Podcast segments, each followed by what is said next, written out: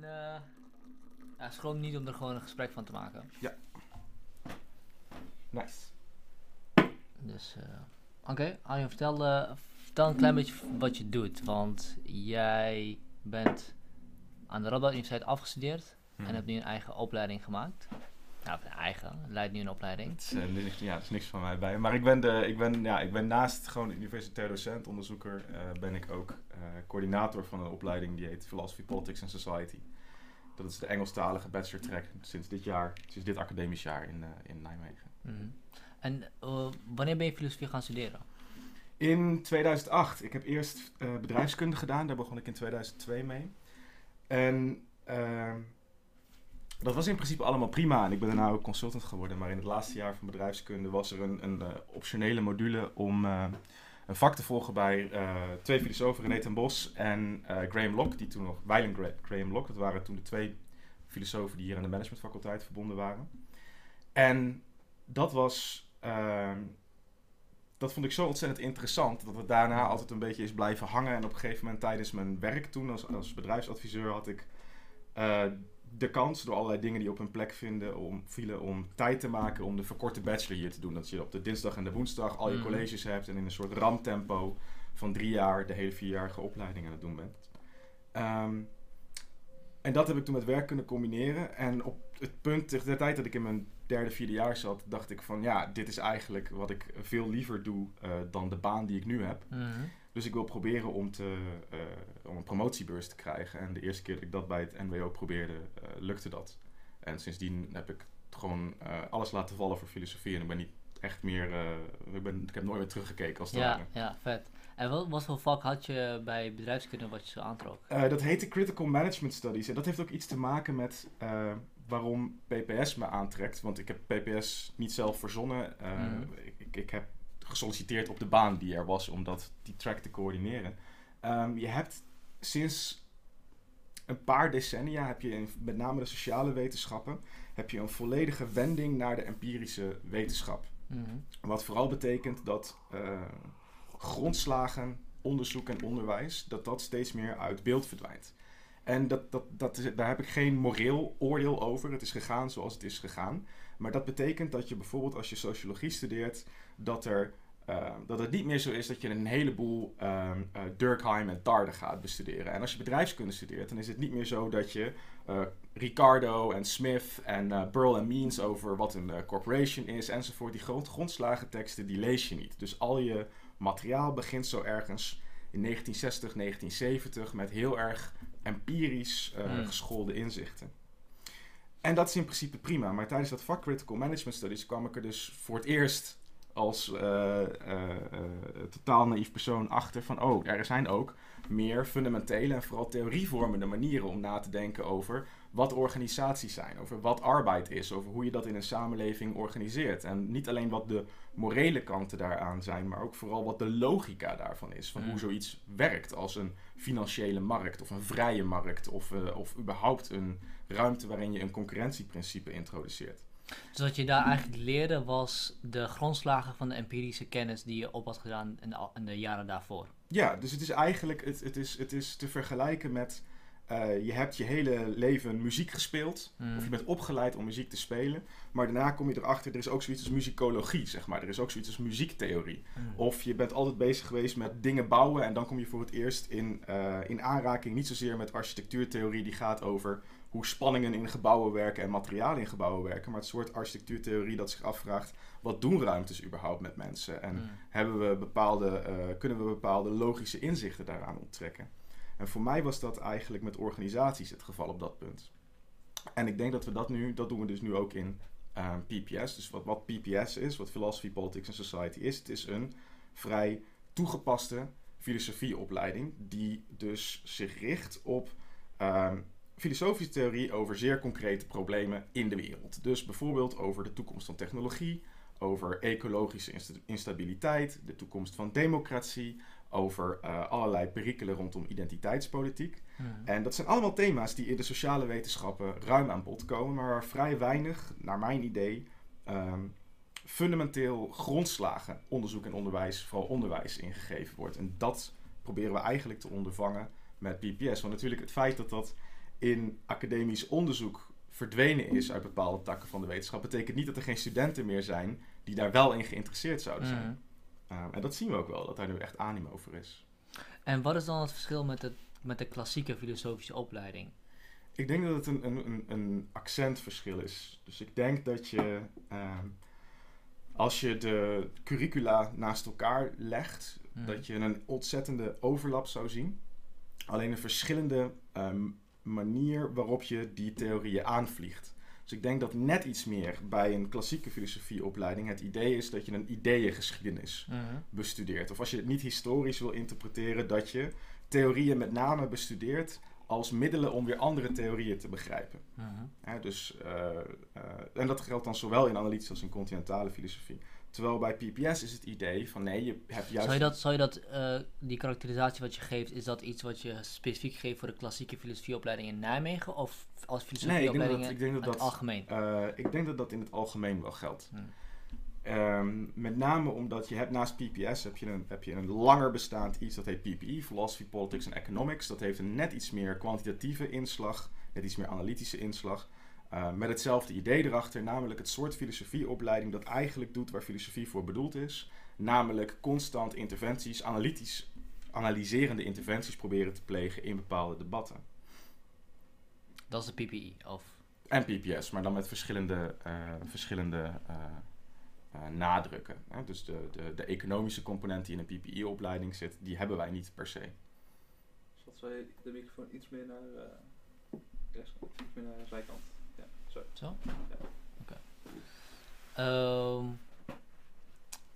waar? Oh ja, PPS, PPE en filosofie. Ja. Ehm, wa- en en eh, wat ik wel eens ook vaker gehoord heb als tegenargument of als, eh, eh, als, als punt tegen een PPS-opleiding, Mhm. is dat het niet meer is dan een watered-down filosofieopleiding.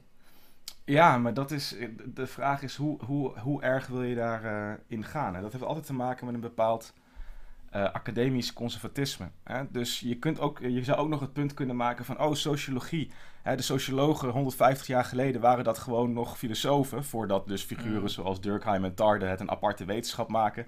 Sociologie is eigenlijk een watered-down vorm van filosofie.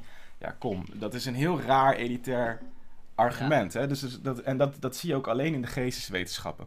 Dus er is niemand die bij neurobiologen komt vertellen...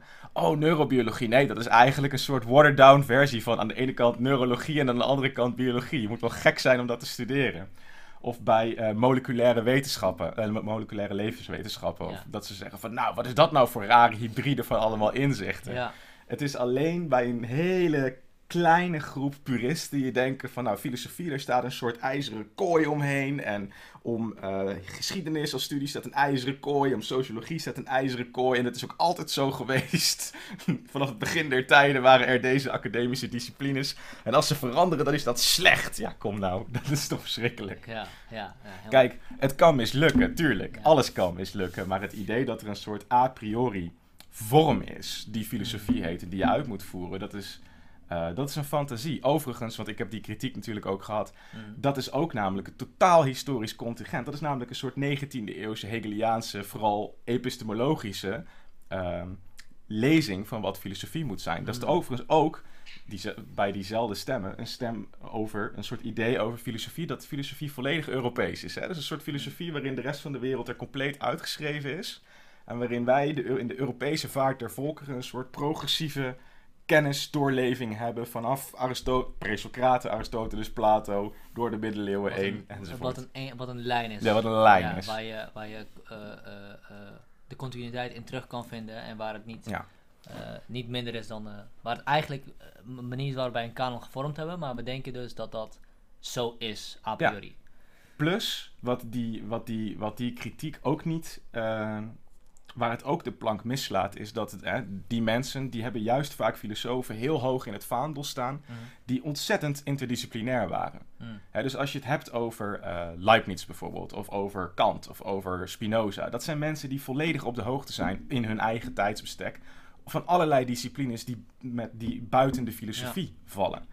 En die juist doen wat ze doen en kunnen wat ze kunnen... doordat ze niet een of andere rare puristische lijn hebben... maar dat ze gewoon interesse hebben in wat er aan kennis en gebeurtenissen om hen heen gebeurt. Ja, eens.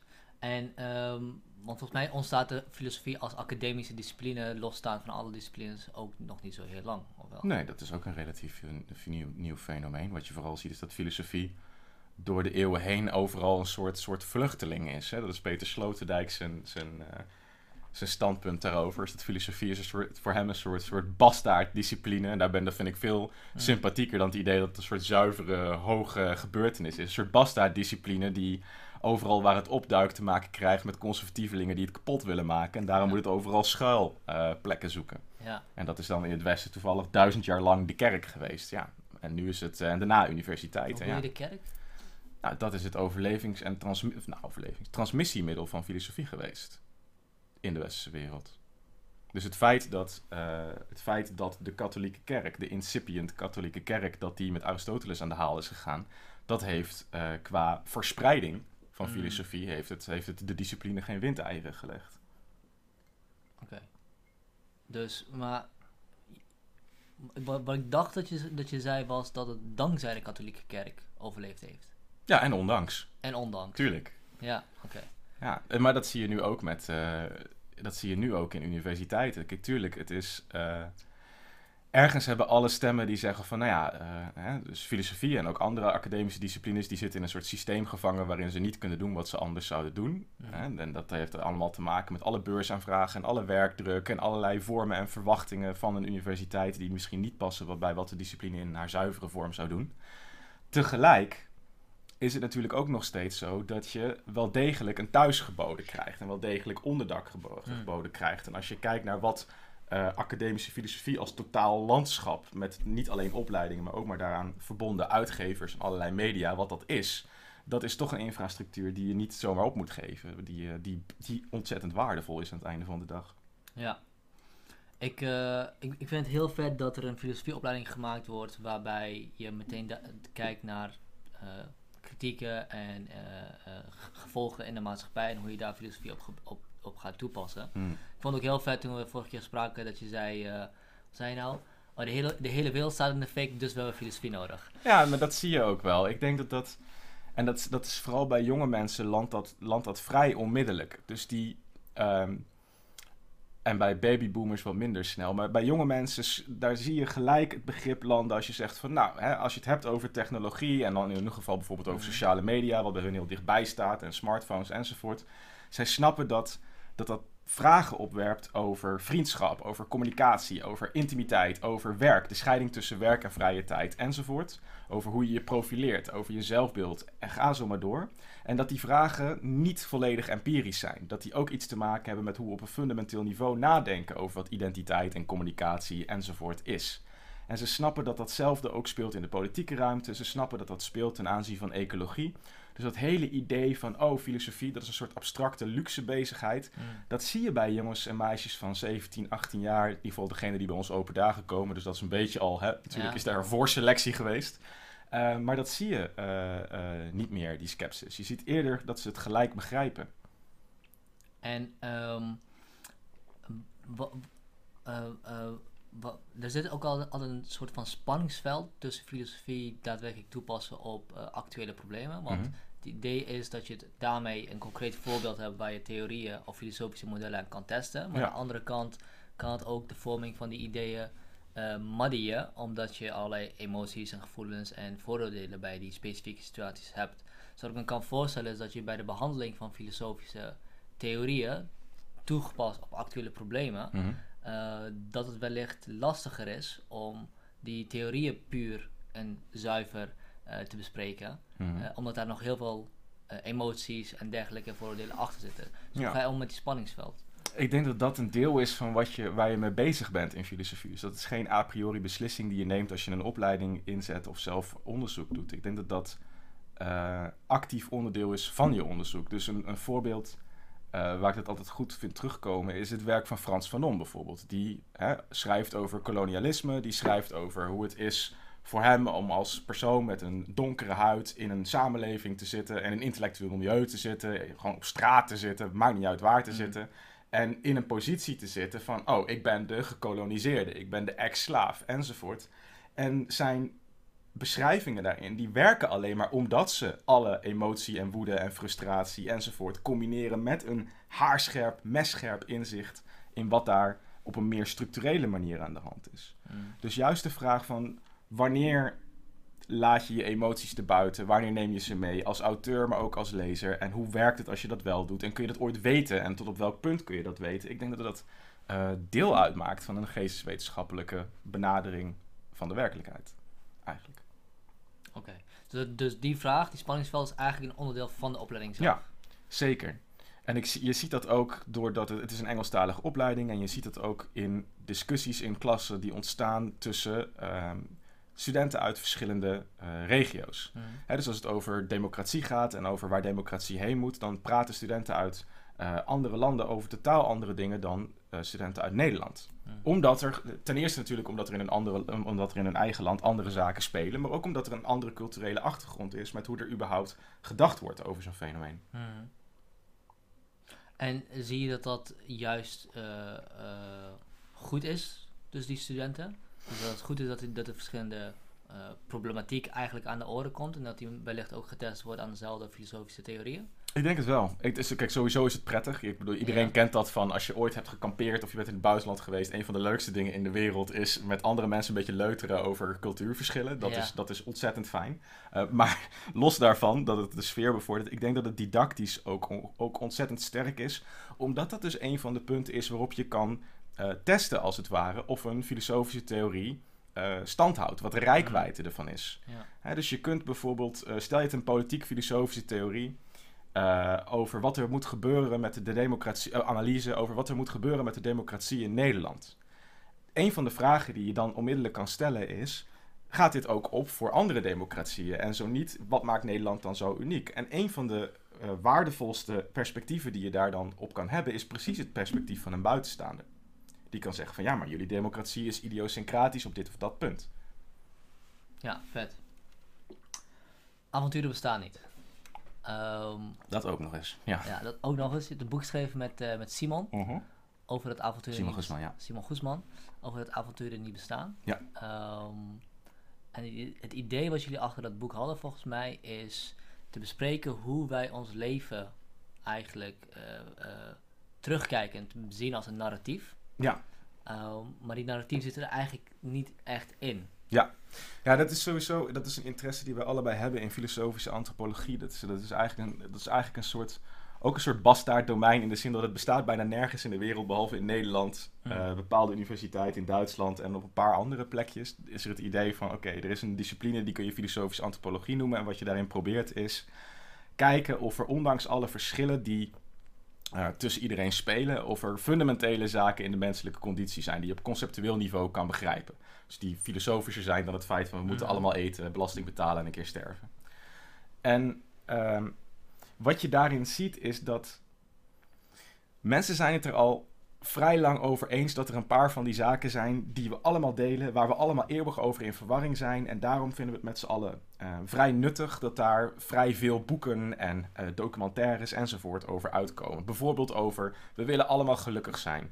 Bijvoorbeeld over we willen allemaal liefde. Bijvoorbeeld we willen allemaal in een stabiel milieu opgroeien enzovoort. Ja. Je hebt een paar van die catchphrases, een paar van die kernconcepten die elke keer weer terugkomen. Precies omdat je ze nooit vast kan pinnen. Hè? Met liefde is het nooit zo dat iemand zegt van... Jongens, het is klaar.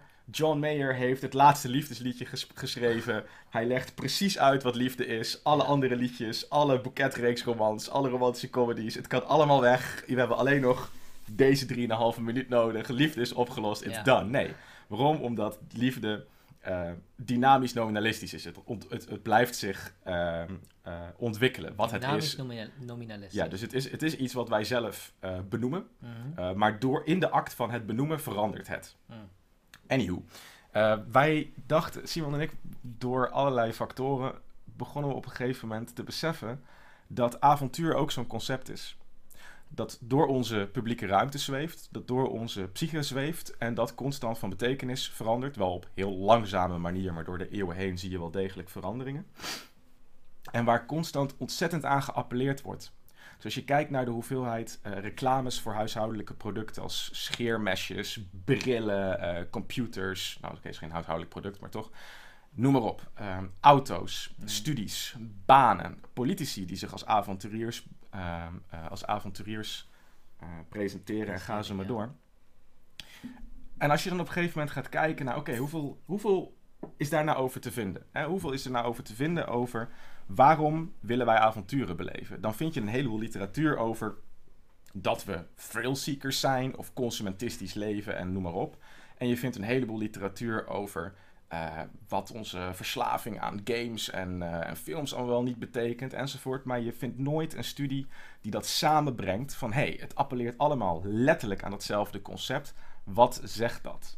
Er zijn uiteindelijk twee studies gedaan. Eén door een Duitser in 1974 en één door een eh, Amerikaan ook in 1974. Maar dat was een beetje verouderd. Dus wij dachten, Hmm. nou, we gaan dat eens doen. En dan valt er een heleboel op zijn plek. Dus waar, die, waar, die, waar dat concept bij ons vooral voor staat, eh, is dat de, de, de drang naar avontuur is als het ware de drang naar een leven waarin alles betekenis heeft. Dus waarin de dreiging van contingentie en trivialiteit weg is. En waarbij je in een soort sfeer, want het is vooral een esthetisch fenomeen, in een soort sfeer kan verkeren waarin je het gevoel kan hebben dat er zingeving gegarandeerd is. Dus dat is, natuurlijk is dat de basisstructuur van elke avontuurlijke film, bijvoorbeeld. Hè. Dus in een avontuurlijke film is het nooit zo dat je toevallig een bejaarde man tegenkomt op een hoek van een straat. Nee, dat is altijd een soort mentorfiguur die wegens een lotsbestemming die zich nu gaat ontvouwen met jou moet praten om te zeggen, you're a wizard, Harry Mhm. Potter. Ehm, en op dezelfde manier is het in een romantische comedy nooit zo dat je een hoek omslaat en tegen iemand aanbotst en al je papieren laat vallen en dat dat, dat, dat het gewoon is. Mhm. Het heeft altijd gevolgen, er zijn altijd consequenties. In het plot is alles relevant. Je vindt nooit een papiertje waarop iets staat en dat het niks betekent in een film. Het heeft altijd een functie in de betekenis van het verdere plot. Dat is wat avontuur je geeft. Mhm. Als het mogelijk is om avonturen te beleven, dan is het mogelijk om te leven op een manier waarop je in het besef staat van, nou, dit gaat ergens heen. Het heeft zin. Ik hoef me niet af te vragen of er zingeving is. Dat is wat al die avontuurlijke verlokkingen beloven. Dat is wat eh, Poetin, als hij zich aankleedt als een soort Indiana Jones in de wildernis met een geweer die op beren jaagt. Dat is de communicatie die daar plaatsvindt. Hetzelfde met Emmanuel Macron. Zijn eerste pers persfoto's, in ieder geval die Nederland bereikte, was dat hij abseilde uit een helikopter naar een nucleaire onderzeeër in de, in de, in de Atlantische Oceaan. Dat zijn bewuste beelden. Dat zijn beelden die het gevoel geven van, oh, er is met ons land iets episch aan de hand. Je kunt als het ware de soundtrack al horen onder die beelden. Mhm. En als je hierin deelneemt, is het net zoals in een avonturenverhaal dat er iets zinvol aan de hand is. Dat is waarom scheermessen, bijvoorbeeld, als Gillette heeft dat gedaan, een Rogue One Star Wars editie uit, eh, eh, uitbrengen. Met een reclame waarin letterlijk een, een trooper uit de, een scène in Star Wars eh, gevolgd wordt op een slagveld. Natuurlijk is het een van de good guys bij het verzet. En dan komt er een soort flashback en dan blijkt dat hij zich van tevoren heeft staan scheren met een Gillette scheermes voordat hij evil Imperial Stormtroopers ging afknallen. Waarom werkt dat? En waarom, waarom nou, de, de reden dat dat werkt is dat het de boodschap geeft. Als je normale scheermesjes koopt, Mhm. dan is dat triviaal. Letterlijk, dan betekent het niks buiten de act van het Ja. scheren zelf. Maar het idee bij zo'n Gillette-mesje is dat je een soort lifestyle koopt. Is dat je je leven vult met producten. Want je koopt natuurlijk ook de Audi van die coole reclame. En je koopt de kleren van die coole celebrities die je hebt gezien. Dat als je je leven daarmee vult, dat die objecten jou als het ware koppelen aan een manier van leven waarin alles zin heeft. En Ja. waarin je niet af hoeft te vragen van, oh god, waarom sta ik hier weer 's ochtends? Ja. En dat werkt ontzettend goed, omdat het gebrek aan zingeving en een, en een teveel aan trivialiteit is iets wat wij ontzettend vervelend vinden als Mhm. mensen. Er gebeuren een aantal dingen hier. Want ehm, ten, ten eerste, de- die drang naar zingeving en, en eh, het creëren van avonturen is iets wat in ons natuurlijk bestaat. Is dat eh, de, de, de pleidooi die je maakt? Ehm, Dus dat, dat is wat we allemaal doen. even inschenken. Wil jij nog? Eh, verhalen vertellen is sowieso iets wat we allemaal doen. Mhm. Ja, oké. Verhalen vertellen is iets wat we sowieso allemaal doen. En aan, aan, aan, aan avonturenverhalen vertellen is iets wat we ook altijd al hebben Mhm. gedaan. Het, het concept avontuur, de term bestaat pas sinds de 11e eeuw. Maar vanaf dat punt, vanaf het punt dat dat concept ons bes- ter beschikking staat, kun je zien dat we het altijd gedaan hebben. Mhm. Ehm, maar wat niet gebeurt, wat nieuw is, is dat we zelf allemaal het idee hebben dat ons leven avontuurlijk moet zijn. Mhm. Hè, zeker in de westerse wereld, onder de middenklasse. maar met avontuurlijk bedoel je dan dat we allemaal het idee hebben dat ons leven zinvol moet zijn? Ja. Of dat het zinvol is als het avontuurlijk is? Allebei. Dus het, en een goed fenomeen daarvan is bijvoorbeeld de enorme eh, hoeveelheid aanmoediging die er is om een eh, breekjaar te nemen, bijvoorbeeld na je middelbare school, om dan te gaan backpacken in Thailand of En Australië bijvoorbeeld. En jezelf daar te vinden. Ja. Dus dat is echt een soort, dat is echt een soort archetypische avontuurstructuur van hè, je, moet, je bent nou jong geweest, je moet je volwassen leven in met werk of studie. Om dat te doen moet je eerst naar een soort exotisch oord, een magische plek. En daar moet je een soort trial doormaken. Want hè, je moet natuurlijk backpacken en een keer bestolen of beroofd worden. En een keer stranden ergens. Dat is allemaal paniek en erg. Maar ja, dat is een soort crucible waar je dan doorheen moet. Ja. En dan kom je terug met een nieuwe of aangescherpte identiteit. En dan kun je het gaan maken in de wereld.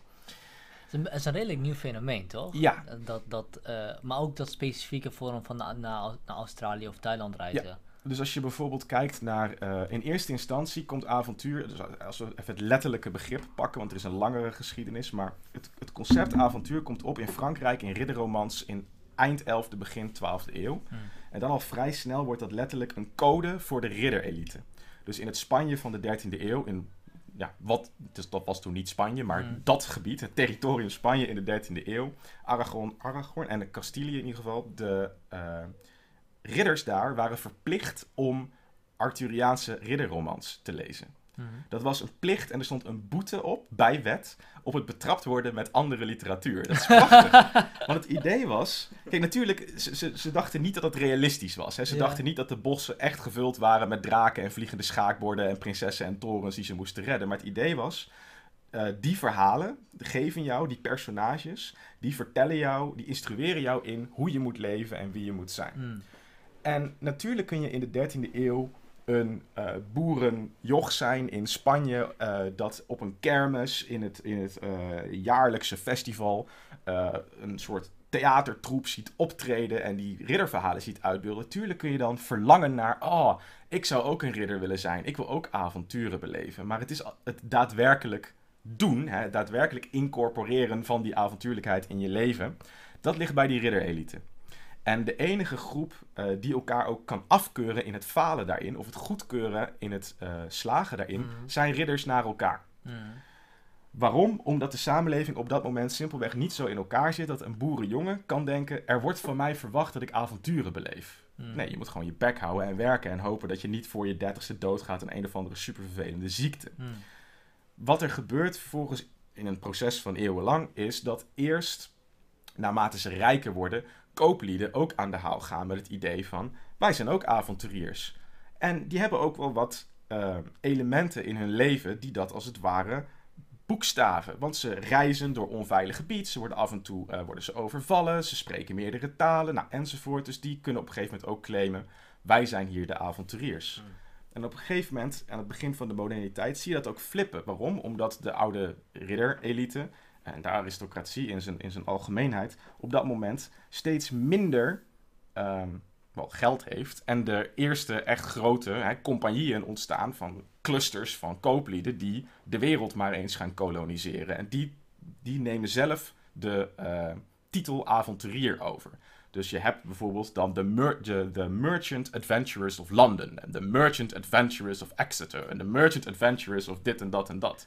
En je krijgt goudsmeden, eh, gildes in, eh, in Duitsland. Die zich de goudsmid-avonturiers noemen enzovoort. dus dan bloedt dat al door naar kooplieden. Ja. Nou, en zo zie je dat dat eh, een grotere groep bereikt. En dan, zodra eh, vooral drukwerk, hè, gedrukte verhalen, eh, eh, boeken, en met een toename van geletterdheid daarbij. Zodra die ook een factor gaan spelen, dan zie je een explosie. Dus dan zie je avonturenverhalen waarin ook schelmen een hoofdrol gaan spelen. Picareske romans zie je die wat meer humoristisch zijn. En dan zie je dat avontuur zich uitbreidt naar verhalen over alle rangen en standen en levensstijlen. En dan krijg je dus ook een proces waarin meer mensen zich daaraan gaan spiegelen. Hmm. Nou, en door een proces van eeuwen heen kom je dus met name na de Tweede Wereldoorlog op een punt waarin eh, er voor iedereen als het ware avontuurlijke archetypes bestaan. Voor iedere activiteit, voor iedere persoonlijkheid, voor iedere ehm, sociale positie in de samenleving bestaat een, laat maar zeggen, literatuur waaraan je je kan spiegelen. En tegelijk komt er een consumentenmaatschappij waarin ook gezegd wordt van wie jij ook wil zijn, wat je ook wil doen. Eh, als je hard werkt, dan kom je er wel en we hebben alle producten te koop die jij nodig hebt om dat te realiseren. En de combinatie van die twee, dus aan de ene kant een literatuur die jou oneindig veel voorbeelden geeft, en met games neemt dat nog veel grotere vlucht overigens. En aan de andere kant een maatschappij die jou in ieder geval nominaal belooft dat wat je ook nodig hebt, als je hard werkt, dan kun je het geld verdienen om dat te kopen. En het is ook echt te koop. Dat creëert een samenleving waarin je, hè, zoals we nu eh, merken, eh, een, een, een, een, een, een set drivers hebt voor jonge generaties, waardoor ze denken van oké, ik moet alles zo intens en avontuurlijk mogelijk beleven. Dus elke foto die ik neem van mijzelf en online zet, die draagt als het ware bij aan de trailer. Hè, dus al die dingen, de trailer van het leven, het avontuurlijke leven, dat dan eigenlijk de film zou zijn. Dus alles moet in de goede filter staan en alles moet uh, precies goed zijn. Ik moet me enten op beroemdheden. Ik moet bloggers en vloggers volgen om te kijken wat ik daar zelf van kan doen. En ik moet dus dat breekjaar in Australië hebben en ga ze maar door. En dan krijg je. Uh... Zou je dan zeggen dat het, uh, de, de drang naar avontuur van de gewone persoon Mhm. eigenlijk pas opkomt met de consumentenmaatschappij? Ja, Dus, zeker. uh, dus voorheen waren eigenlijk degenen die bovenaan de rang stonden, of die het konden betalen, of die het konden veroorloven, die hadden de luxe om zingeving en avontuur in hun leven te, uh, te implementeren. Op een letterlijke manier, Op een ja. letterlijke manier, inderdaad. Ja. En pas wanneer de consumentenmaatschappij opkomt, wordt eigenlijk als een marketingtruc Ja. de gewone volk overtuigd van hey, jij kan ook avontuur beleven. Ja, alleen ik denk niet dat het. Ik denk, denk dat het meer is dan een marketingtruc. Omdat Mhm. het is, het is ook iets dat, eh, dat. Dat gewoon ontzettend aan je appelleert. Het is bijvoorbeeld ook helemaal niet exclusief aan kapitalistische maatschappijen. Dus als je kijkt naar Sovjet-propaganda boven, bijvoorbeeld. Dat is bijna 100% keer op keer het idee dat iedere normale boerenjongen kan zo'n arbeider op zo'n glorieuze poster worden. Waarin je of met een hooivork eh, het land te lijf gaat, of als soldaat met een geweer de vijand te lijf gaat. Maar het is altijd glorieus in, in mooie kleuren met sterke, gezonde mensen. En de zon Ja. schijnt en de grote leider die kijkt goedkeurend toe. Ja. Dat is ook, een, dat is ook het idee van, hé, hey, wij leven met z'n allen in een soort Star Wars script. Ja. Letterlijk. En dan kun je natuurlijk afvragen welke van de twee is beter. Want de Sovjet-Unie en de Sovjet-propaganda ehm, werpt een verhaal op van als je goed je best doet en dergelijke kun je ook een held worden Mhm. in de voortgang van, eh, van het communisme. Eh, en aan de andere kant heb je een consumentenmaatschappij, allerlei verschillende bedrijven die zeggen als je hard genoeg werkt kun je ditgene kopen wat wij verkopen en daarmee je leven zinvol maken. Ja. Dus beide, Ja, het is de vraag of je dan... Dat is een soort spanning tussen of je individuele of collectieve avonturen wil beleven. En dat is, dat is bijvoorbeeld heel duidelijk in... eh, en het is, het, ik denk dat we niet willen kiezen voor één van de twee. En dus bijvoorbeeld, de, de, de, eh, bijvoorbeeld voetbalfans zijn een heel goed voorbeeld van mensen die zich identificeren met een collectief avontuur. Weet je, je, je bent geen voetbalfan voor jezelf. Als je echt diehard fan bent, ben je fan niet alleen van de club, maar ook voor de club. hmm, En dan gaat het veel meer om dat collectieve avontuur. En dan gaat het er ook om dat je met je buren en je kinderen en je vrienden dat samen doet. Het is geen individuele beleving. Maar je wil, tuurlijk wil je dat dat ook glorieus is. En er zit ook altijd een soort strijdermentaliteit achter. Dus dit is ook niet wat wij niet proberen te zeggen in het, in het boek. We proberen absoluut niet te zeggen dat er een moreel oordeel over onze drang naar avonturen geveld Mm. moet worden.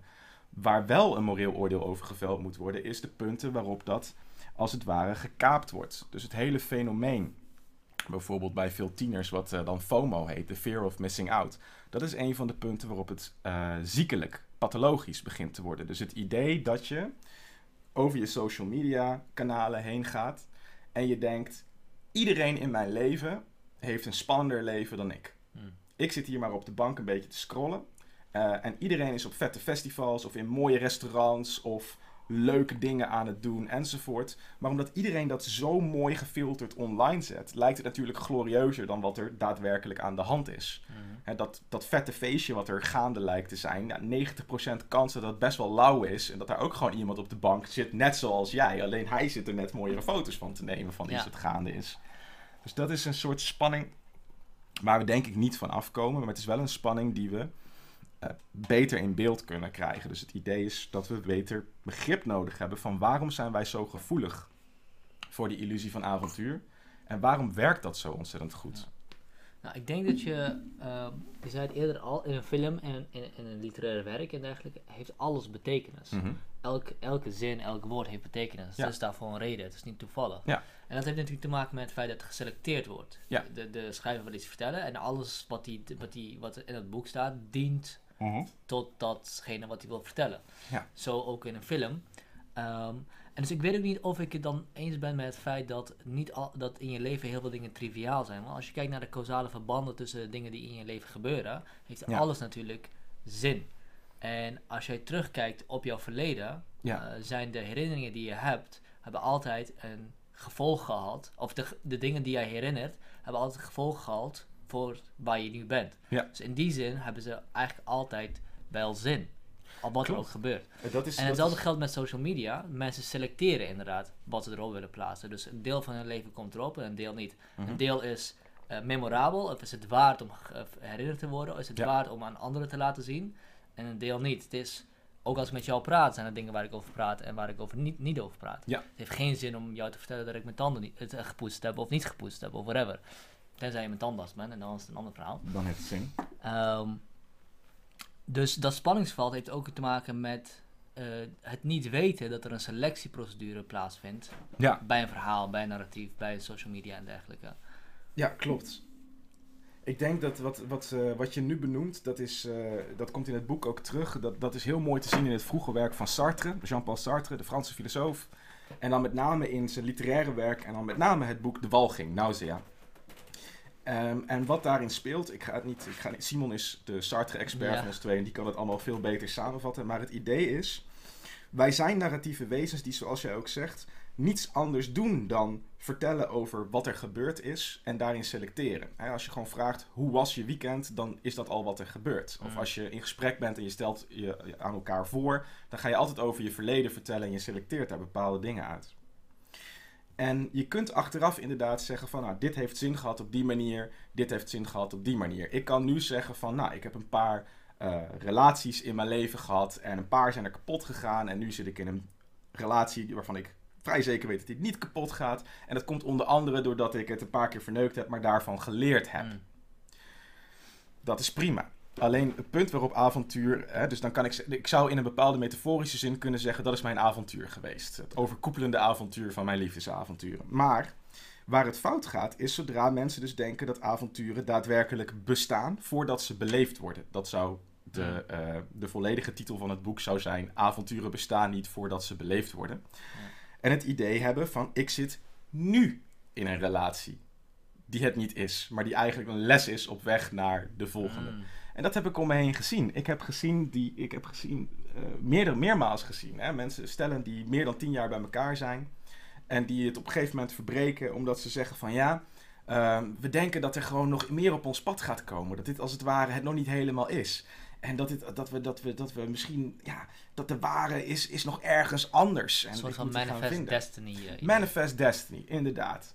Dus het, en het, nou, dat is precies hetzelfde op politiek niveau. Dan heb je ook het idee van mensen die aan de ene kant denken, om wat voor reden dan ook, die selecteren bepaalde dingen uit de geschiedenis van Amerika. Die denken het is best lekker gegaan tot Wacht, nu nog toe. één vraagje. Eh, als je je relatie verbreekt omdat je denkt dat er meer op je pad komt wat eh, meer bij je past of eh, de waarheid Nee, dat is prima. Maar als Ja. het gegarandeerd, als je denkt dat het Gegarandeerd. Maar het is, ook, het is ook net iets anders dan je relatie verbreken omdat je denkt, dit is hem, dit is hem gewoon niet. Precies. Dat- ja, precies. Precies. Dus het idee, het gaat, het, het, hele, het hele fout met avonturen denken, die we vaak maken, is de illusie van garanties. Hmm. En want als er geen trivialiteit is, als we dus in een avontuur zitten, als er geen trivialiteit is, dan is betekenis gegarandeerd.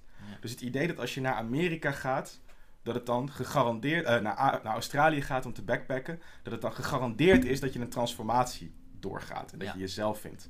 Of het idee dat als je maar genoeg relaties afwerkt, dat het gegarandeerd is dat je dan de ware werkt. Of dus als, zoals met Amerika, dat eh, wat ook de koers is die politici en eh, andere belanghebbenden samen uitstippelen, dat het gegarandeerd is, manifest destiny, dat Amerika altijd en eeuwig de eh, bewaker van de vrijheid en de politieagent van de wereld zal zijn.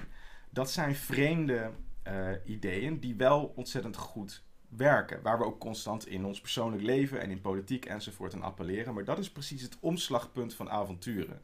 Dus het verschil is aan de ene kant vertellen over wat je hebt beleefd, wat er is gebeurd. De synthese maken van een serie gebeurtenissen in een avonturenverhaal. Dat is prima. We zijn nar- narratieve wezens, daar doe je niks aan. Maar vervolgens diezelfde logica van betekenisvolheid. Hè, en van als het ware een, een snoer dat door al die gebeurtenissen heen loopt en ze aan elkaar verbindt. Door die op de toekomst te projecteren en te doen alsof dat al bestaat voordat de toekomst daadwerkelijk plaatsvindt. Dat is waar het eh, eigenaardig wordt. Dat is waar, waar het spaak loopt. En eh, heb je daar voorbeelden van, hoe dat nu gedaan wordt? Ja, dus de eh, propaganda is een heel goed voorbeeld. Mhm. Dus het zeggen dat eh, nou, Amerika's Manifest Destiny of in de Sof- voormalige Sovjet-Unie het eh, idee dat al zeker is dat het communisme, de communistische helstaat, zal arriveren. Dat is er één. Religie is een heel goed voorbeeld. Dus het Mhm. idee dat je, als je je volgens bepaalde codes gedraagt, dat dan gegarandeerd is dat er heil volgt aan het einde van je leven. Of na je, na je dood, beter gezegd. Ehm, maar ook in de beloftes van een heleboel eh, bedrijven bijvoorbeeld, of studies. Hè. Dus studies die prijzen zichzelf heel graag aan als avonturen. Bedrijven prijzen zichzelf heel graag aan als bruisende avontuurlijke werkplekken. Wat ze daarmee zeggen, wat de betekenis is van dat taalgebruik is... op deze plek ga je geen existentiële crisis krijgen. Er gaat geen trivialiteit plaatsvinden.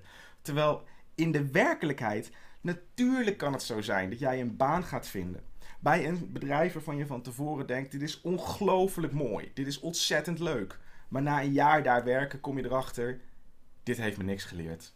Het doet me werkelijk helemaal niks. Mijn, gewoon, als ik moet, moet reflecteren op wat het emotioneel met me doet, het antwoord is gewoon niks. En als ik, als ik moet reflecteren op wat, wat heb ik ervan geleerd, is het antwoord ook niks. Dat kan gebeuren. Ja. Met ziekte is het ook zoiets. Hè? Dus, dus mensen, natuurlijk willen mensen graag dat als je iets fysieks of mentaals hebt, dat het een bepaalde les is waarvan je op een gegeven moment kan zeggen: Goh, dit heeft me sterker gemaakt. Hè? Whatever doesn't kill me, made me stronger. Fight against cancer. Ja, survivors zijn van een bepaalde ziekte. En dat is prachtig als het zo voor je loopt. Maar voor een heleboel mensen is het gewoon zo dat je gewoon ziek bent. Hmm. En dat je er niks van leert. En dat het alleen maar in de weg zit. En dat het gewoon verschrikkelijk is. Hmm. En voor een derde van de studenten die aan de meeste studies beginnen, is het na een jaar zo dat ze moeten bekennen van ja, het is hem gewoon niet. Ik ga stoppen, ik ga iets anders doen. En dat, dat, dat schoffelen we graag allemaal een beetje onder het tapijt, omdat dat dus zou betekenen, als je dat meer erkent, dan moet je eh, ja, vrij expliciet zijn over dat wij, dan moet je er vrij expliciet over zijn dat wij wezens zijn die best wel vaak falen en best wel vaak dingen meemaken waarvan je denkt, het zal. Ja, het zal, inderdaad. Alleen denk ik. Volgens mij, maar ik weet niet of je, of je het aan het doen bent, maar het klinkt alsof je dat een beetje aan het trivialiseren bent. Want het is ook niet interessant om te vertellen over degene voor, voor wie het hem toch niet was. Zeker Ja. niet als opleiding. Klopt, maar de, de, eh, eh, wat je daar bijvoorbeeld als probleem krijgt, is het, het is beloftes van gouden bergen. Hmm. En ik denk dat in zekere zin. ehm, er, zit, er zit altijd wel iets in filosofie waarmee je probeert eh, op te komen voor de underdog. En niet op een soort heroïsche manier, want we gaan niet in onze eigen avontuurlijke va- val vangen. Maar dat je wel altijd bezig bent met een bepaalde scherpte. ze- zeker in wat meer nou, maatschappelijk geëngageerde filosofie. Is dat je altijd analytisch bezig bent. Ja, maar hallo, wie wordt er nou in een soort mainstream discours Hmm. eh buiten boord gelaten. Nou, en in al die avontuurlijkheid, wie er buiten boord gelaten worden, zijn mensen die dat avontuurlijke verhaal niet kunnen vertellen.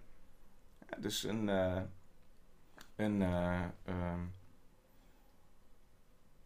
een, een, eh, eh, een, een ander goed voorbeeld in ziektebeelden daarvan bijvoorbeeld is, eh, nou, wat jij al zei, kanker en daar survivors van zijn. Dat is hartstikke mooi. En als, je, als, je dat, als, je, als, je, als dat de manier is om er doorheen te komen, is dat prima. Maar ik weet nog heel goed, een van de eerste lezingen over het boek die ik deed, die was in Rotterdam. En na de lezing kwam er een, een man naar me toe en die zei van, nou, het, dat, ik heb het boek gekocht en eh, zoals ik het zo hoor in de lezing, ik vind het echt prachtig, want het is precies de problematiek waar ik mee bezig ben. Ik, vraag, nou, wat doet u? Hij zegt, ik begeleid eh, als een soort psycholoog, begeleid ik eh, kankerpatiënten in hun, eh, ja, in, hun, in hun ziekte. En hij zegt, een heleboel kankerpatiënten, ik weet hier niks van, hè, dus uit tweede hand, maar toch. Mhm. Hij zegt, een heleboel kankerpatiënten, die ervaren die hele survivor ehm, eh, narrativiteit, die hele, dat hele survivor discours, als een enorme druk.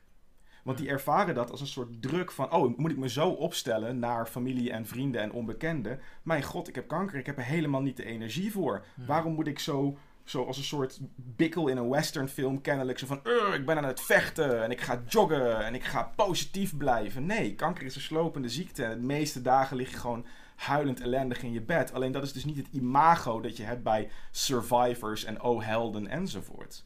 Dus dat is een tweesnijdend zwaard. Het is aan de ene kant kan dat heel veel mensen helpen om een soort gloriegevoel, en of in ieder geval een soort knokgevoel bij jezelf te hebben. En daar ook medestanders in te vinden. En een soort idee van, oké, ik kan hier tegen vechten. Mhm. Maar tegelijkertijd, ieder verhaal wat je op die manier avontuurlijk probeert te maken, of iedere gebeurtenis die je op die manier een avontuurlijk verhaal probeert te maken, daarmee krijg je ook een norm die je oplegt. Van, oh, je moet kennelijk zo je leven beleven. Mhm. Ja, dus ook het idee van. ehm, een ander idee wat we vaak eh, tegenkomen is eh, de hele verwachting, om een minder deprimerend voorbeeld te geven, minder zwaar voorbeeld te geven, is de hele verwachting dat jonge mensen eh, lekker gaan jobhoppen.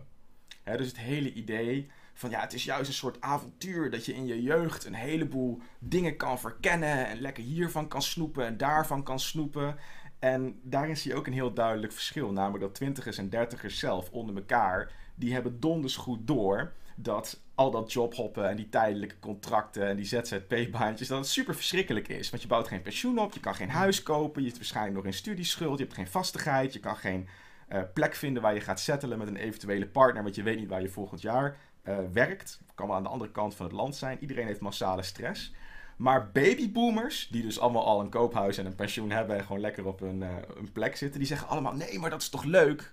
Dat is toch spannend? Oh, ik, wou, ik zou willen dat ik het allemaal gedaan had toen ik jong was. Het is toch gewoon leuk als je gewoon even voor een postdoc hè, in de universiteit dan. Oh, lekker, lekker drie jaar naar Amerika. Ja, fantastisch. Ja, daarna twee jaar naar Taiwan. Geweldig. Ik wou dat ik het allemaal kon doen. En die vergeten dat zij de materiële basis daarvoor hebben. En die kijken er als het ware van buiten naartoe. Terwijl als je zelf in die situatie zit. en er wordt je dus verteld dat je dat maar als een soort avontuur moet zien. als een soort Gulliver's Travels. Dan denk je vaak van ja, wat is dit nou voor onzin? Waar komt dit vandaan? Geef Ja. me gewoon een vast contract. Laat me gewoon op mijn werk, zetten, Ja. op mijn werk zitten. Ja, inderdaad. Vet. En dat is natuurlijk die, die reflexieve karakter van zo'n narratief. Ja. Omdat, omdat wij narratieve wezens zijn, Ja. eh, spiegelen we ons ook aan de narratief die Ja, ons gegeven zonder wordt. twijfel. Ja. Eh, en dat kan inderdaad eh, rare situaties creëren waarbij er een narratief gemaakt is om, de mensen, Ja. om mensen te helpen, om mensen te motiveren. Ja. Dat heb ik heel vaak, als ik als motivational speakers zie praten, denk ik van ja, dit is echt, dit is zo'n onzin, want je, je, je hemelt mensen op, je vertelt ze wat ze allemaal kunnen doen. Ja. Ehm, en op het moment dat ze het niet halen, dat, dat is niet leuk, is het eigenlijk hun eigen Eigen schuld. schuld, ja. Want dat is ook nog wat heel erg Ja. gespeeld wordt. Het is, dan heb je niet graag genoeg gewild. Ja, ja, dat is precies. Ja. Als je niet de carrière, carrière ladder klimt, dan is het alleen maar omdat je niet, niet graag genoeg gewild hebt en niet goed genoeg Ja. eh, hard Het is hebt. ontzettend individualiserend. Hè? Want een, een hoofdkenmerk van alle avonturenfilms is dat eh, het goede kan alleen maar gebracht worden door één persoon of een klein groepje helden. Mm. Er zijn geen avonturenfilms. Ja, misschien zijn er wat Sovjetfilms overigens. Maar er zijn geen avonturenfilms waarin letterlijk het volk met z'n allen de boel fixt. Het Ja. is altijd een klein groepje helden. En daardoor krijg je dus ook al heel snel een wereldbeeld. of waarbij het eh, langs de normale kanalen gaat. Ja. Ja. Nee, dat moet, nee dat, precies. Ja. Want de normale kanalen zijn altijd corrupt. Maar die zijn ook weer goed corrupt in de zin van... dat is fijn, want er moeten obstakels zijn om avonturen te kunnen Ja. beleven. Anders heeft het geen zin. Ehm, maar dat, is, dat levert iets heel vreemds op. Namelijk, dan ga je ook al sneller een wereld accepteren. Waar, en ik ben hier vrij serieus over. Het klinkt super samenzweerderig, maar toch. Ik denk dat je door die avonturen mindset sneller een wereld gaat accepteren die structureel niet goed in elkaar zit. Mm. Juist omdat je dan iets tegen te knokken hebt. Dat zie je heel duidelijk in de Amerikaanse eh, mindset. Dat hele started from the bottom, now we're here. eh, van, van, eh, van krantenwijk eh, loper tot miljonair, zeg Me- maar. De self-made sorry. millionaire, ja. Dus het is altijd het idee van, ja, wij in Amerika, de, de government die werkt niet. Het land is nog een soort woeste, westernachtige Ja. uitdaging. En je kunt je daardoor heen knokken. En de mooiste verhalen die we hebben zijn mensen die begonnen met eh, elke week een kwartje sparen. En die daar op een gegeven moment hun eerste aandeel van gekocht hebben. Nou zijn ze multimiljardair. Ze geven niks terug aan de samenleving. Ze mogen het allemaal zelf houden, want het zijn. Een goed voorbeeld daarin in Nederland, eh, nou ja, analoog daaraan, een voorbeeld daarvan in Nederland is eh, in de discussie die een paar jaar geleden woedde over ehm, bias in sollicitatiebrieven. En dat op een gegeven moment Mark Rutte zich daar als premier over moest uitspreken. Dit, daar hebben we het in het boek eh, ook uitgebreid over. Toen heeft hij gezegd van nou, ik heb gekeken naar discriminatie op naam bij, eh, bij sollicitaties. En ik als premier kom tot de conclusie dat het inderdaad zo is dat als je Mohammed heet, dat je wat moeilijker aan een baan komt dan wanneer je Piet of Jan heet. Je wordt gewoon minder snel überhaupt serieus gelezen op je Ja. eh, curriculum vitae. Mijn conclusie is, zegt Rutte, dat ik daar niks aan kan doen. Mohammed die moet zich gewoon maar invechten. Dat is avontuurlijk denken puur zang. Namelijk, de wereld is nou eenmaal zoals die is. Ja. Er zitten slechte dingen in en je kunt die niet structureel veranderen. Maar wat je wel kan doen is mensen aanmoedigen om die wereld als een soort echte Indiana Jones, als een, op, als een soort obstakelbaan, als een soort stormbaan te zien die maar eh, eh, ja, bestormd moet worden. Mhm. En dat is, dat, is, dat is puur avonturen denken. Dus het decor is een setting waarin de wereld woest en, eh, en vooral slecht is. En dan als je je richt op de persoon, kan de persoon in zijn eentje daar zich doorheen knokken op de een of andere manier. Hmm. Ja, beschrijft hij volgens mij gewoon puur eh, letterlijk Jordan Peterson. eh, wat nou helemaal hip en happening is. In welke zin? Nou, hij zegt ook in principe de wereld is lijden. Het leven is lijden. De Ja. wereld is een woestenij inderdaad. Maar als je hard genoeg je best doet en de waarheid blijft spreken en aan jezelf blijft werken, kun je er misschien iets zinvols van maken. Kun je in ieder geval iets van zin, een zinvol leven leiden wat in eerste instantie goed is voor jezelf, eh, voor de mensen om je heen en het liefst ook nog wat bredere kringen op nationaal niveau bijvoorbeeld. Ja, maar ja, dat, dat zal ongetwijfeld voor veel mensen waar zijn. Maar dan, ja, what about de, eh, hè, de miljarden mensen die eh, op plekken wonen waar gewoon geen stromend water of elektriciteit is? Of what about de, eh, de miljoenen mensen die wel in een eh, moderne samenleving wonen, maar die 60 uur per week werken, twee banen hebben en nog steeds niet rondkomen? Hè? Het, gaat, het is die hele mythe van eh, als je hard werkt en een positieve mindset hebt, dan heb je een kans om er wat van te maken. Die verliest uit het oog dat er vaak structurele factoren zijn. Gewoon manieren waarop de samenleving materieel en politiek is ingericht, waardoor je gewoon geen schijn van kans hebt. En dat is iets wat een avontuurlijke eh, benadering van het leven altijd uit het oog verliest. Het idee dat je meer hebt dan alleen de wilskracht van het individu. En nu weet ik, ik weet niks van Jordan Peterson behalve één ding. Namelijk het idee, volgens mij is hij ook iemand die zich op een soort Jungiaanse archetype theorie. Ja, eh, hij, wat hij, beroept. en nu moet ik even oppassen dat ik niet te veel dingen ga zeggen waar, waar ik niet kan zeggen, in de zin dat ik het niet goed begrepen heb. Maar wat hij in principe doet is evolutietheorie, eh, evolutietheorie en psychologie toepassen op eh, eh, bijbelse verhalen, religieuze verhalen. Dus hij laat de eh, psychologische significantie van die bijbelse verhalen zien. Gaat ervan uit dat, die, dat er een moraal, een ethiek en eh, leefwijze in zit wat evolutionair eh, gevormd is. mhm. Ehm, aan de hand van Jungiaanse theorieën, inderdaad. Dus daar zitten bepaalde archetypes in van hoe je moet leven. ja. En als je, die dus op die, als je dat dus op die manier leest, je, kun je daar lessen uittrekken die, die nodig zijn. Dus en Ja. Jungiaanse theorie zit aan de basis van wat hij, wat hij doet eigenlijk. Nou, om dan, om dan, want ik weet iets meer over Jung dan over hem. Dus eh, om daar, eh, kijk, dat is natuurlijk een ontzettend. ehm, het zou ontzettend fijn zijn als het zo werkte. Eh, het zou ontzettend fijn zijn als een heleboel eh, van de chaos die we in onszelf en om onszelf heen ervaren, of het lijden, zoals je dat zegt. Als je daar wat meer grip op kan krijgen door je te beseffen van, oké, mensen zijn wezens die zich in archetypes bewegen. En eh, bepaald gedrag kan verklaard worden doordat je in een archetype zit. Of doordat je je verzet tegen een archetype waar je in hoort te zitten. Om welke reden dan ook. Hè? Bijvoorbeeld evolutionaire redenen. Dat heb je ook. Je hebt bijvoorbeeld ook evolutionair psychologen die dat zeggen. Hè? Je hebt bepaalde evolutionair psychologen die zeggen van... Nou ja, eh, wij willen niet op een geesteswetenschappelijke manier essentialistisch willen gaan, willen, eh, gaan lopen doen. Maar het is nu eenmaal zo dat mannen geëvolueerd zijn om bepaalde zaken te doen. En vrouwen geëvolueerd zijn om bepaalde andere zaken te doen. Dat is een eh, min of meer natuurlijk proces en daar kunnen we weinig aan veranderen. Mhm. Mijn hele probleem daarin is dat dat het soort eh, betekenisgeving is dat de toekomst buiten spel zit, zet. Want natuurlijk, eh, stel dat het, ik denk dat dat, niet, dat dat al niet eens helemaal klopt, maar stel dat het waar is dat mannen en vrouwen geëvolueerd zijn om bepaalde rollen te vervullen. Dat is natuurlijk gebeurd doordat er gebeurtenissen plaats hebben gevonden. Hmm. Ze zijn geworden wat ze zijn geworden. We zijn geworden wat we zijn geworden. Door duizenden jaren lang letterlijk dingen mee te maken. Op een heel banale manier. De evolutionair psycholoog die zegt. En nu moet iedereen zich daar maar volgens gaan gedragen.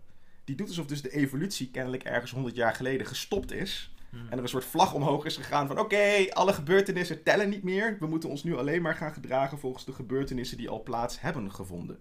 Nee, evolutie is een proces dat doorgaat. Dus ook de beslissingen die wij nu nemen, onder andere beslissingen eh, over rollen van mannen en vrouwen, tellen gewoon mee in datzelfde proces. Die staan daar niet buiten. Hmm. Want wat mannen en vrouwen zijn geworden doorheen de geschiedenis, is onder andere een resultaat van mannen en vrouwen die nadenken over wat mannen en vrouwen ten opzichte van elkaar moeten doen. En hoe je die labels man en vrouw gebruikt. Hmm. Dus wat mij altijd in dit soort discussies eh, over archetypes of evolutionaire eh, wordingsidentiteiten verrast, is dat gedaan wordt alsof dan kennelijk daar nu gestopt mee wordt. En dat, dat alle discussies en debatten die daarover plaatsvinden, als het ware niet meetellen en een soort verwarring zijn ten opzichte van een verleden waar we gewoon naar kunnen kijken. Dat is heel raar, want dan doe je dus altijd alsof er ergens een breuk in de tijd ligt, waar dan ook, waar we zeggen en nu stoppen en terugkijken. Terwijl dat natuurlijk nooit waar is geweest. Want de hele, onze hele evolutionaire geschiedenis is juist een eh, kwestie van niet stoppen en niet terugkijken. Hmm. Het zou heel vreemd zijn. eh, nou, laten we hem dan maar als strawman gebruiken. De Jordan Peterson van, ehm, van honderden jaren geleden.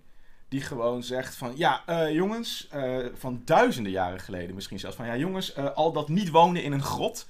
Eh, sorry hoor, dat gaan we niet doen. Eh, dat is allemaal verwarrend. We moeten terugkijken naar onze evolutionaire geschiedenis en de archetypes die daarin bovenkomen. Nee, archetypes worden gecreëerd door juist te breken met zaken.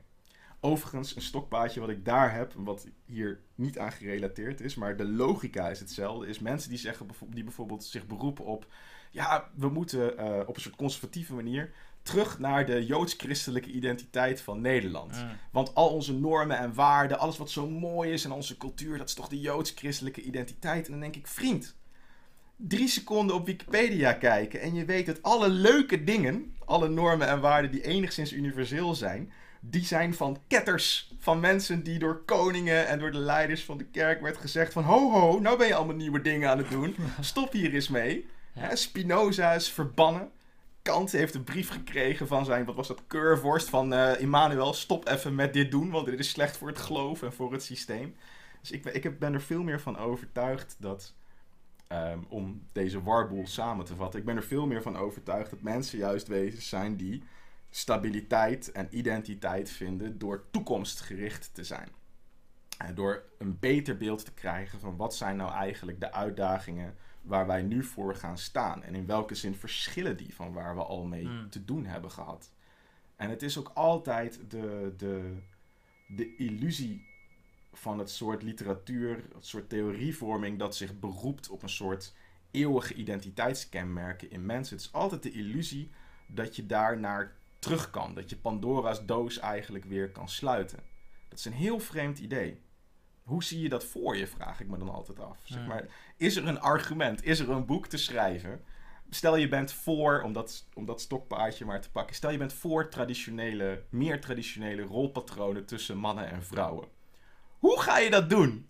Hoe ga je het boek schrijven of het regime bouwen waarin iedereen collectief zegt van nou is goed, dan gaan we gewoon weer allemaal doen alsof het 1921 is. Dat gaat gewoon niet lukken. Dat bestaat niet. Het is een soort rare wensdroom. Het is een hele aantrekkelijke wensdroom, waarin je een heleboel ehm, steun voor kan werven, omdat het een soort illusie van stabiliteit en een duidelijke wereld die lekker overzichtelijk is biedt. Het is alleen geen realistische wensdroom. Het is een avontuurlijke illusie. Ja, ik denk dat, eh, dat je inderdaad naar de toekomst moet blijven kijken en moet eh openhouden dat alles wat eh, bepaald is, of waarvan je denkt dat traditioneel is, ook contingent ontwikkeld is. En ik denk als er mensen zijn die, dat, die daarvoor pleiten, die, die zeggen dat het zo moet blijven zoals het geweest is, dat die zeker in, een- enorme illusie leven. Ik denk wel dat een argument voor te maken is om te zeggen dat niet alles sociaal geconstrueerd is. Dat er wel bepaalde structuren zijn aan, eh, aan de manier waarop dingen ontwikkeld zijn, die je niet zomaar 1, 2, 3 kan Ja. veranderen. Nee, daar ben ik het mee eens. Ik ben, ik ben, ik ben, ik ben absoluut geen sociaal constructivist. Ja, je weet, ik, ben, ik, ik schaar mij onder de speculatief realisten. Dus ik ben, eh, ik, ben, ik ben geen vriend van de sociaal constructivisten in een bepaalde zin. Hm. Ehm, en daar moet ook mee opgepast worden. Dus het hele idee is, er is een bepaalde... De laatste decennia is er een bepaalde eh, eh, neiging om sociaal constructivisme als, als een soort progressief... om dat te identificeren met een progressieve houding. Hm. En dat klopt niet. En, en wat je daar vooral ziet is een soort verwarring van ontologie met politiek. Dus uiteindelijk sociaal constructivisme is een ontologische positie. Het is een idee over hoe, eh, wat zijn dingen nou eigenlijk echt. Een sociaal constructi- constructivist is iemand die zegt, ehm, nou misschien niet ehm, rotsen en sterrenstelsels, maar alle dingen waar wij waarde aan hechten in onze cultuur, onze identiteit, alle dingen die conceptueel zijn, die zijn sociale constructen. Die, die maken en breken wij. En dat, dat idee wordt dan aangegrepen als een soort ehm, emancipatoire, emancipatoire notie. Want als we het zelf gemaakt hebben, dan kunnen we het ook veranderen Hmm. ten goede. Waardoor je het idee krijgt van oké, als je eh, lekker links progressief bent, dan ben je sociaal constructivist. Ik ben daar niet zo zeker van. Of die identificatie wel zo één op één werkt. Bijvoorbeeld als je kijkt naar de Franse Met linksprogressivisme en sociaal constructivisme. Ja, Dus als je kijkt naar de, eh, eh, de eh, Franse Revolutie, toen was het precies andersom. Toen waren de conservatievelingen de sociaal-constructivisten. En de mensen op links de universalisten. Hè, het waren toen de, de aristocraten die juist het argument maakten van... nee, al die structuren die jullie af willen breken... het heeft ons honderden jaren gekost om dit allemaal op te bouwen. Dit culturele bouwwerk, sociaal-constructivistisch argument. Eh, waarom willen jullie dit nou, dit, is ook dit kostbare glazen paleis, waarom willen jullie de, de ruiten gaan ingooien? En het waren de mensen op links, de progressieve krachten, die dat eigenlijk deden in naam van een universele, vrij essentiële notie van de mens. Dus ik ben altijd vrij huiverig om sowieso te denken dat filosofie bij politiek begint, maar ook om te denken dat een sociaal-constructivistisch argument je altijd uit de problemen gaat helpen als je progressief bent. Hm. Ja, inderdaad. Dus wat je eigenlijk zegt is, aan de ene kant is het, eh, is het eh, goed om te onthouden dat de traditionele verhoudingen ontwikkeld zijn. Dus als we, nou, ik weet echt niet meer hoe we hierop kwamen, maar het maakt heel veel Hm. uit. Dat die ook dus kunnen veranderen. Maar aan de andere kant moet je er ook rekening van mee houden dat het niet zomaar een keuze is om bepaalde eh, verhoudingen te creëren. En dat je wellicht ook dingen kapot kan maken als je willy-nilly wil- dingen wilt gaan veranderen. Ja, dat heeft voor mij te maken. Ik weet niet of ik het zo zeg. Voor mij heeft het te maken met. in, met, hoe, met, dat, met dat. Dingen waarvan we soms denken dat ze sociale constructen zijn, zou ik zeggen. Zelfs sociale constructen zijn in echt. Wat, betekent dat ze hun eigen nukkigheid, hun eigen koppigheid en hun eigen logica hebben. Dus, eh, en dat is wat ik daar straks al even kort eh, dynamisch nominalisme noemde. Dat is een notie van Ian Hacking. Dat is een, eh, een, een filosoof uit Canada. En die heeft heel veel onderzoek gedaan naar bijvoorbeeld de opkomst van noties die met pathologie te maken hebben. Bijvoorbeeld obesitas, depressie, maar ook, want hij is Foucauldiaan, met noties die met seksualiteit te maken hebben. Bijvoorbeeld homoseksualiteit. En zijn punt is, en ik, ben daar, ik heb daar sympathie voor, hij zegt, je ziet dat die noties opkomen doorheen de wereld. Trauma eh, doorheen de geschiedenis. Trauma is een heel goed voorbeeld. Ja, zo Mhm. tot aan de Tweede Wereldoorlog ongeveer, roughly, eind 19e eeuw, begin 20e eeuw, was een trauma letterlijk een fysieke wond. Mhm. En pas vrij recentelijk is de betekenis van trauma verschoven naar het idee... eh, je hebt iets meegemaakt wat jou mentaal aan duigen heeft geslagen. En wat nu nog elke dag, dag in dag uit, expliciet en impliciet bepaalt wat je doet en laat. Hm. Natuurlijk was het voor het concept trauma bestond, voor geestesaandoeningen, wel degelijk zo dat mensen mentaal in duigen konden liggen. Dat is evident. Hm. Maar vanaf het moment dat trauma of obesitas of depressie of homoseksualiteit benoemd wordt, ontstaat daar een soort instituut, een soort entiteit of een soort veld of een identiteit, hoe, je dat wil noemen, die als het ware stolt zijn eigen logica heeft en waar mensen zich naar gaan gedragen. Mensen gaan zich daarna gedragen en dan krijg je een soort wisselwerking tussen het concept, het sociale construct als het ware, en die mensen. Maar die mensen voegen zich ook naar dat ding. En dat ding heeft zijn eigen logica. Hm. Dat merk je bijvoorbeeld heel goed Volgens bij... mij noemt hij, maakt hij daar een verschil tussen indifferente entiteiten en dynamische entiteiten Ja, of zoiets. Dus dynamische entiteiten zijn degene die als het ware mee veranderen door de aandacht die wij aan ze geven. Ja. Maar dat betekent niet dat, Dat ze... dus, eh, eh, dus af- even eh, om het scherper te stellen, de kanker is een, is een indifferente entiteit, want Ja. die, die, die beweegt en, en, en handelt. die kun je niet wegdenken. Kun Ja. je niet wegdenken, maar de strijd over de betekenis die je aan het hebben van kanker geeft, Juist. Dat is een dynamische entiteit. Ja, bijvoorbeeld, er zit eh, bij ons aan de, eh, aan de faculteit zit nu een, eh, een, een, nieuwe collega, Seth Bledsoe, en die doet onder andere onderzoek naar de term martelaarschap. Die zo ongeveer, ja, die zo'n 1500 jaar actief bestaat.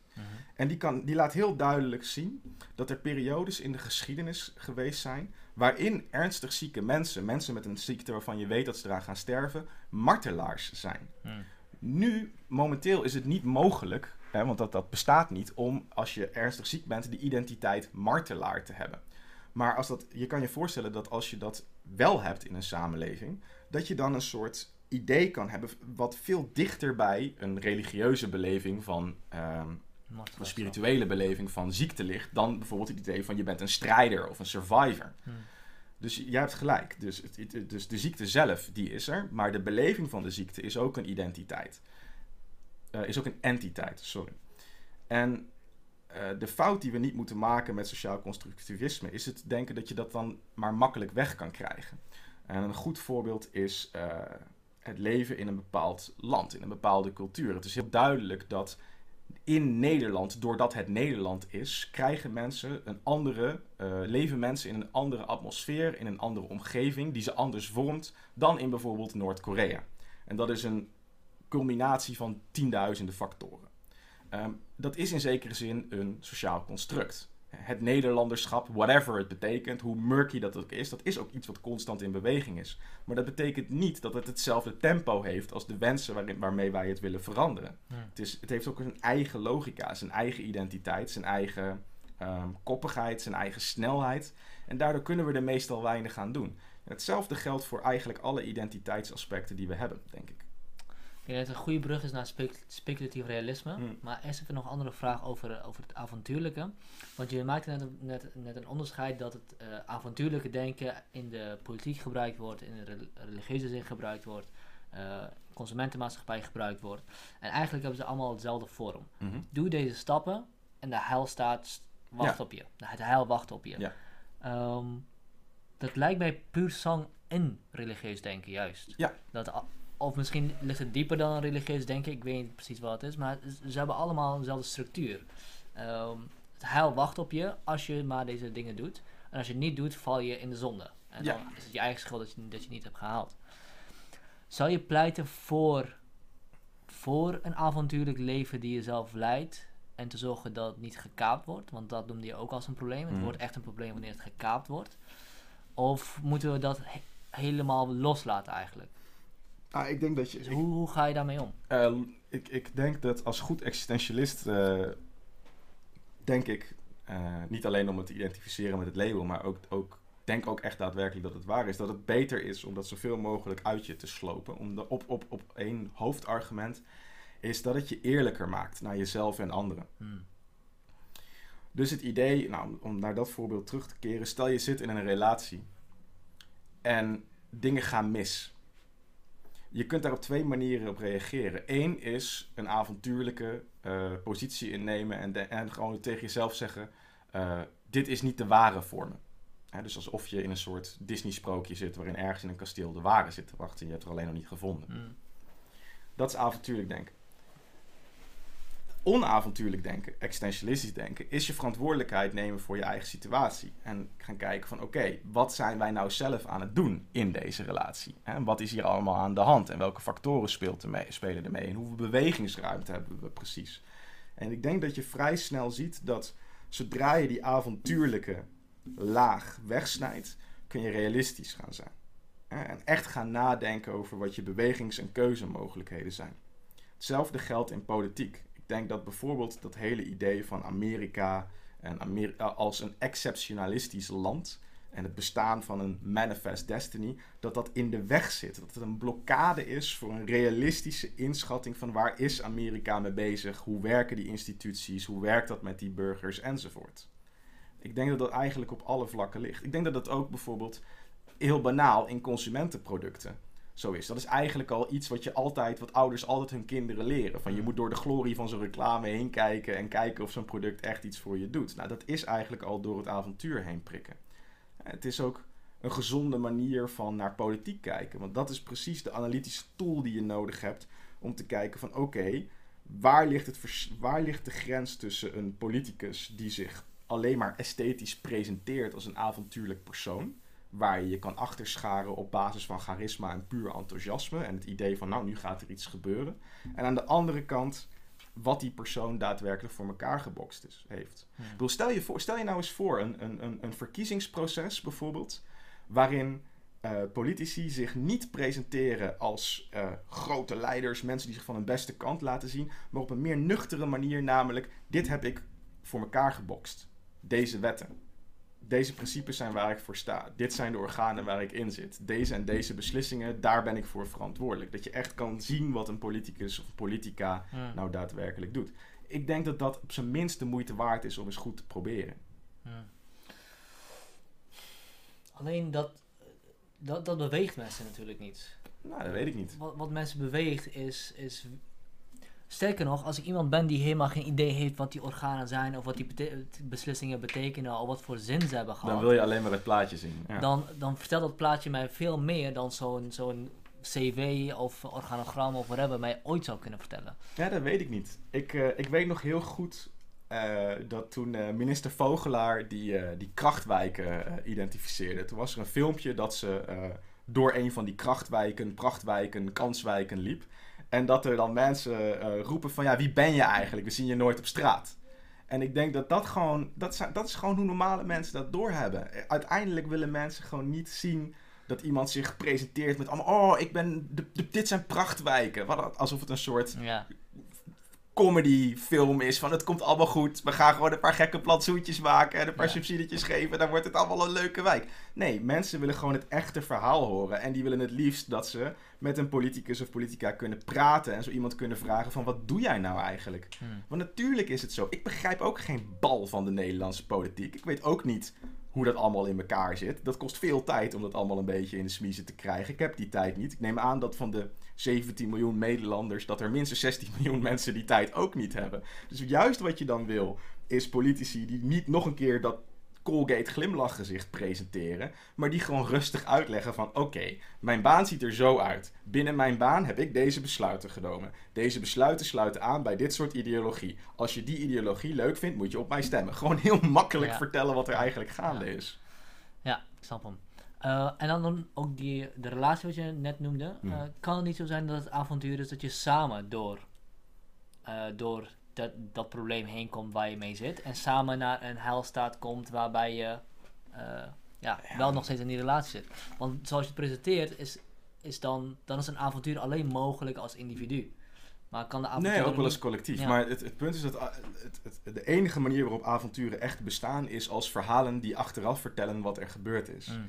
En de manier waarop avonturen niet bestaan is simpelweg dat er geen garanties zijn voor bepaalde aflopen. Waardoor het automatisch waaruit volgt dat het niet gegarandeerd is dat wat je nu aan het doen bent, of wat je morgen meemaakt, dat dat zinvol is. Dat dat een rol speelt in een groter geheel. De meeste dingen zijn triviaal. Hmm. En als, ik, eh, als je ervoor pleit om te zeggen zoveel mogelijk dat avontuurlijke denken weg te laten, eh, dat betekent dan ook dat je, dat je dan ook de, de zingeving weglaat. Want wat je wel in het begin zei was, avontuur en zingeving, Ja. Dat zijn twee dingen. Eh, dat is hetzelfde. Ja, alleen er zijn wel. eh, zingeving is niet, maar, is niet op slechts één manier mogelijk. Hmm. Dus zin, zingeving op eh, de wijze van: ik weet nu op dit moment al zeker dat dit ergens aan bijdraagt. Hè, namelijk de glorieuze toekomst van jou als topjournalist en van mij als topfilosoof. Het ligt eigenlijk al in de sterren geschreven en wij kunnen nu al ons baden in het fijne besef dat dit daaraan bijdraagt. Ja. Dat gebeurt dus niet. Dat, Ja. dat is niet mogelijk. Als je, als je je zo voelt, dan, dan is dat een waan. Dat is letterlijk een waan. Ja. Ehm, maar er zijn andere manieren van zingeving. En één manier is gewoon denken van... nou, ik wil graag eh, journalist of filosoof of wat dan ook zijn. En daarom heb ik de projecten die ik heb... en doe ik de activiteiten die ik doe. Maar ik accepteer dat dat volledig kan eh, mislukken. Dus ik, de wereld is ook niet mij verschuldigt om dit te geven. Het voorkomt een heleboel teleurstelling. Ja. En dat is wel moeilijk. Hè? Tuurlijk, het is bijvoorbeeld moeilijk als je eh, vier jaar lang aan wat voor project dan ook keihard gewerkt hebt. Of het nou een baan is of een relatie of wat dan ook. En het mislukt. Iedereen voelt zich dan alsof, alsof de wereld jou dan naait. Hm. Hè? Alsof het universum eh, zich niet gedraagt volgens het script dat het eigenlijk zou moeten hebben. Maar dat is precies die avontuurlijke illusie. Het idee dat als je ergens hard aan werkt, dat het universum dan eigenlijk een script moet hebben liggen waarin dat per definitie naar iets leuks leidt. Ja, Ja. Zo zit het niet in elkaar. Ja, precies. Oké, cool. Speculatief realisme. Ja, Ehm tell me about it. Word up met dat. Ja, nou dat is een eh, mooie algemene vraag. Nee, eh, speculatief realisme is, een, is genoemd naar een conferentie in 2007 in Londen, waar een aantal filosofen bij elkaar kwam. Graham Harman, Kenta Mesu, ehm Ray Brazier en Brazier, ik weet nooit hoe je het uitspreekt, en eh, Ian Hamilton Grant, die met elkaar gemeen hadden, eh, die een aantal zaken met elkaar gemeen had, namelijk eh, ze zijn allemaal filosofen met een metafysische interesse, dus die, en die vanuit de continentale filosofie komen. Wat Dus is die, metafysica? Dus die het idee serieus nemen dat je op conceptueel niveau naar een overkoepelende theorie toe kan, die coherent is en die kan kloppen over wat alles in de realiteit is.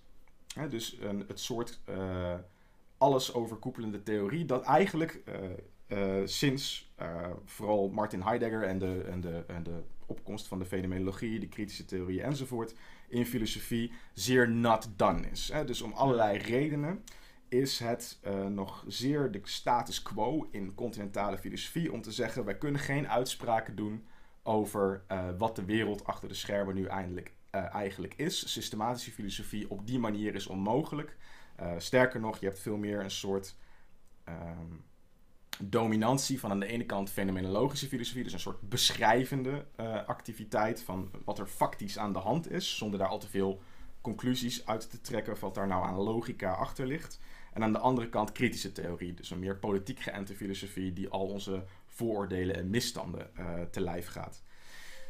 Wat die ehm, speculatief realisten, wat speculatief realisten als gemeenschappelijke eh, vijand hebben, is wat correlationisme genoemd wordt. Correlationisme is het idee dat onze theorieën over de wereld alleen maar kunnen gaan over de relaties tussen mens en wereld. Dus dat we het alleen over subject-object relaties en de dynamiek daartussen kunnen hebben.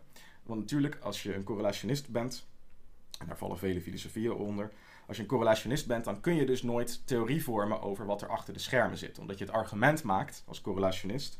ehm, als ik ergens aan denk, is het natuurlijk altijd een denken aan iets. Dus er is altijd een denker on the scene. Hè, en daardoor kun je nooit los van die denker over objecten denken. Hm. Speculatieve realisten hebben verschillende strategieën en verschillende aanvliegroutes om dat argument uit te hollen. En zijn eh, nou, nu dus een, eh, een, een meer dan een decennium al een soort vanguard van een nieuwe metafysische interesse in continentale filosofie. En wat zijn de tactieken om dat correlationisme dan tegen te argumenteren? Eh, er zijn er meerdere, maar wat voor mij de, eh, waar ik mezelf achter schaar, is een argument dat door Graham Harman gemaakt wordt, eh, door Levi Bryant gemaakt wordt in, en in Frankrijk door Tristan Garcia, in Duitsland door Marcus Gabriel. Het komt vanuit verschillende hoeken. Eh, is namelijk dat als jij zegt dat je in eerste instantie naar subject-object relaties moet kijken in plaats van object-object relaties, dan heb je al de presuppositie dat er iets speciaals is aan subject-object relaties. Hm. Eh, en dat kan niet. Dat is, dat, dat, dat is geen eh apodictisch standpunt voor filosofie. Dus als je daadwerkelijk aan het begin wil beginnen, dan is waar je begint is gewoon relaties tussen entiteiten of whatever kind. Van wat voor soort dan ook. En de hele idee. Wacht even, er is wel iets speciaals aan de subject-object relatie, denk ik. En dat is het feit dat ik een subject ben en dus die relatie ervaar. En de relaties tussen entiteiten in het algemeen ervaar ik niet. Dat klopt, maar je weet niet a priori of dat ontologische impact heeft. Dus je weet niet a priori of dat ervoor komt dat er geen enkel framework mogelijk is waarin je in algemene zin over entiteiten kan praten. Dus de, ehm, Een andere manier om dat te zeggen is dat een groot deel van in ieder geval de moderniteit, of in ieder geval continentale filosofie, of hoe je het wil noemen, is een gevolg van een bepaald inzicht dat gemaakt wordt in Kant. En Kants inzicht is, er zijn dingen aan zich, daar kunnen wij niet bij. Hun natuur, daar kunnen wij niet bij. We kunnen alleen maar bij bij hoe ze aan ons verschijnen als fenomenen. En waarom is dat zo? Nou, wij zijn eindig. Het enige wat een, eh, en een, en een, een speculatief realist, of in ieder geval de objectgeoriënteerde tak daarvan, gaat daarin mee door te zeggen: Kant had gelijk. inderdaad, wij hebben geen contact met de werkelijkheid aan zich. Wij zijn eindig. Alleen waarom zou je die eindigheid alleen maar toekennen aan de relatie tussen mens en wezen, waarbij de mens de eindige pol is en over entiteiten niks gezegd wordt? Waarom is het niet ook zo dat entiteiten ook eindig zijn? Dus de fout die Kant heeft gemaakt, volgens het objectgeoriënteerde tak van speculatief realisme, is de mens als het ware bevoorkeurt eindigheid toekennen. Waardoor de mens een soort interpretatieapparaat nodig heeft om de werkelijkheid op een bepaalde manier aan zich te laten verschijnen. Subjectiviteit hebben, zoals je het zegt. Maar er is geen enkele reden om te denken dat de wereld aan zich dan een of andere blob is waarin alles wel directe relaties met elkaar heeft. Dus het hele idee van de objectgeoriënteerde ontologie is veel meer een. eh, hoe noem je dat?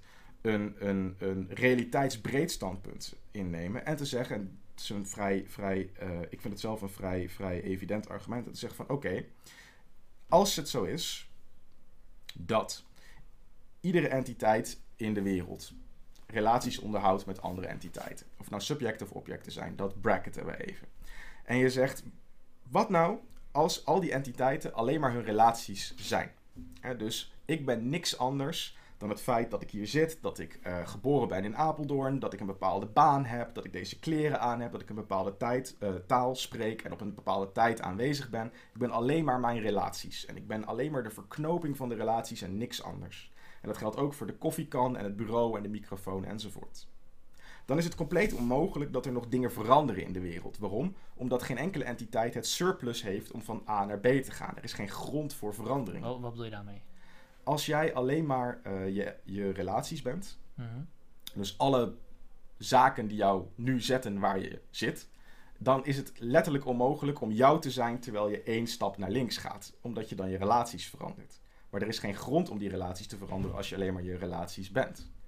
Dus om het anders te zeggen, ehm, er is geen enkele manier waarop verandering mogelijk is als dingen helemaal vastzitten in een soort kosmisch spinnenweb van relaties waarin alles compleet bevroren is Mhm.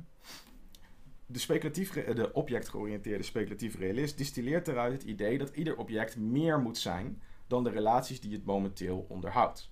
Het is vrij duidelijk dat bijvoorbeeld de Radboud Universiteit als entiteit, als instituut, eh, wordt niet een totaal andere entiteit door elke nieuwe student die erbij komt of elke stukje curriculum dat vervangen wordt. Het is robuust en het is meer, het is excessief over de relaties die het onthoudt, onderhoudt met anderen. Hetzelfde dezelfde ontologische status wordt door, speculatief, door objectgeoriënteerde speculatieve realisten toegekend aan eigenlijk iedere entiteit. Dus het idee dat je zelf altijd een soort kern hebt, dat iedere entiteit een soort kern heeft die dieper is dan alle relaties die het onderhoudt. Ander argument, een ander voorbeeld, een, voorbeeld daarvan wat ik vrij eh, duidelijk vind, is, eh, komt uit het werk van eh Bergson, de Franse filosoof begin 20e eeuw, die een soortgelijk punt maakt en zegt van dat kun je bijvoorbeeld goed beseffen over een dorp. Geen enkele straat in het dorp is het dorp. Want je kunt een straat veranderen en verwijderen en nog steeds blijft, nou, het Beuningen blijft Beuningen. Maar op dezelfde manier is het ook niet mogelijk om een beschrijving of een afbeelding te maken van het dorp die in kan staan voor het dorp, die het dorp kan vervangen. Dus hij zegt dan zelfs een miljard foto's van het dorp zijn samen niet het dorp Mhm. maar alleen maar een afbeelding. Een set afbeeldingen van dat dorp. Dus het dorp Beuningen zelf is een entiteit die altijd als het ware dieper is, meer heeft dan alle materiële en immateriële componenten die eraan gekoppeld zijn. De stap die een objectgeoriënteerd ontoloog vervolgens maakt, is, dat, is beseffen dat dat waar is voor iedere entiteit die er is. Ja? Ja.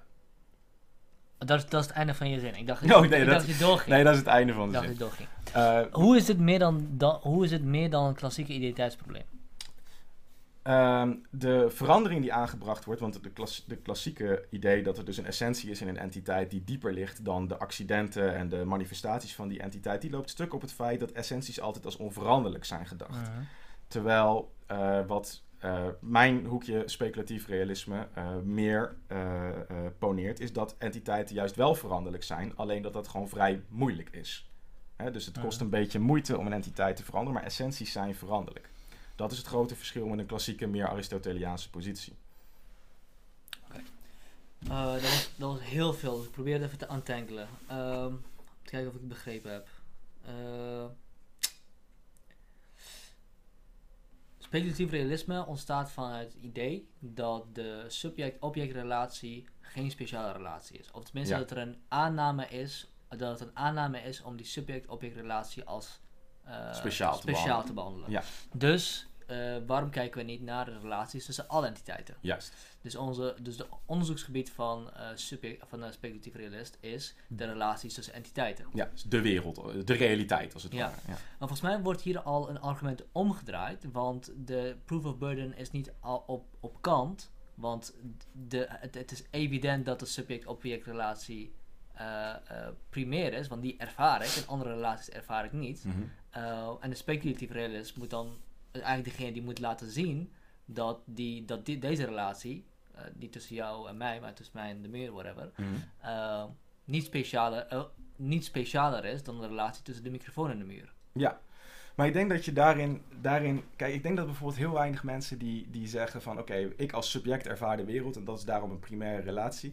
Ik denk dat heel weinig mensen daarin maar zouden willen zeggen van ik ben, uh, dat maakt mij een idealist. Dus dat je letterlijk denkt dat deze microfoon niks anders is dan het feit dat er subjecten Mm. uh, on the scene zijn om die microfoon waar te nemen. Mm. Natuurlijk is hij wel, hij bestaat omdat er mensen zijn die hem gebouwd hebben, daar, dat is evident. Maar wat het ding is, is volgens de meeste mensen uiteraard niet meer, wel degelijk meer dan het feit dat wij het waarnemen. Niemand denkt dat als wij drieën de kamer uitlopen, dat de microfoon dan verdwijnt. En dat die weer verschijnt zodra wij de kamer inlopen. Oké, okay, maar dat is ook geen Kantiaans argument, toch? Nee, dat ben ik ook niet aan het doen. Okay. Maar ik, ik ben het aan, nu op, aan Ja. een iets andere, via een iets andere hoek aan het aanvliegen. De enige vraag is dan, is de microfoon ook meer dan zijn relaties met non-materiële dingen? En het antwoord is natuurlijk ja, want je kan de microfoon uit de houder tillen, je kan hem naar een andere ruimte verslepen, je kunt er van alles mee doen en het blijft die microfoon binnen een bepaalde bandbreedte. Dus ook die microfoon is robuust ten opzichte van zijn materiële relaties. Dus het is, uiteraard is het zo dat, als wij, dat wij als subject een speciale relatie met de wereld hebben, omdat wij de wereld op een bepaalde manier ervaren. Maar uh, een objectgeoriënteerde positie is daar niet zozeer in geïnteresseerd. Waar het meer in geïnteresseerd is, is hoe robuust zijn entiteiten ten opzichte van de verhoudingen waar ze in staan. Hmm, Oké. Okay. En da daarop is het antwoord: een entiteit is niet meer, maar ook niet minder dan alle relaties die die heeft tot Ja. alle andere entiteiten. En het, het, het antwoord is dat entiteiten onreduceerbaar zijn. Hmm.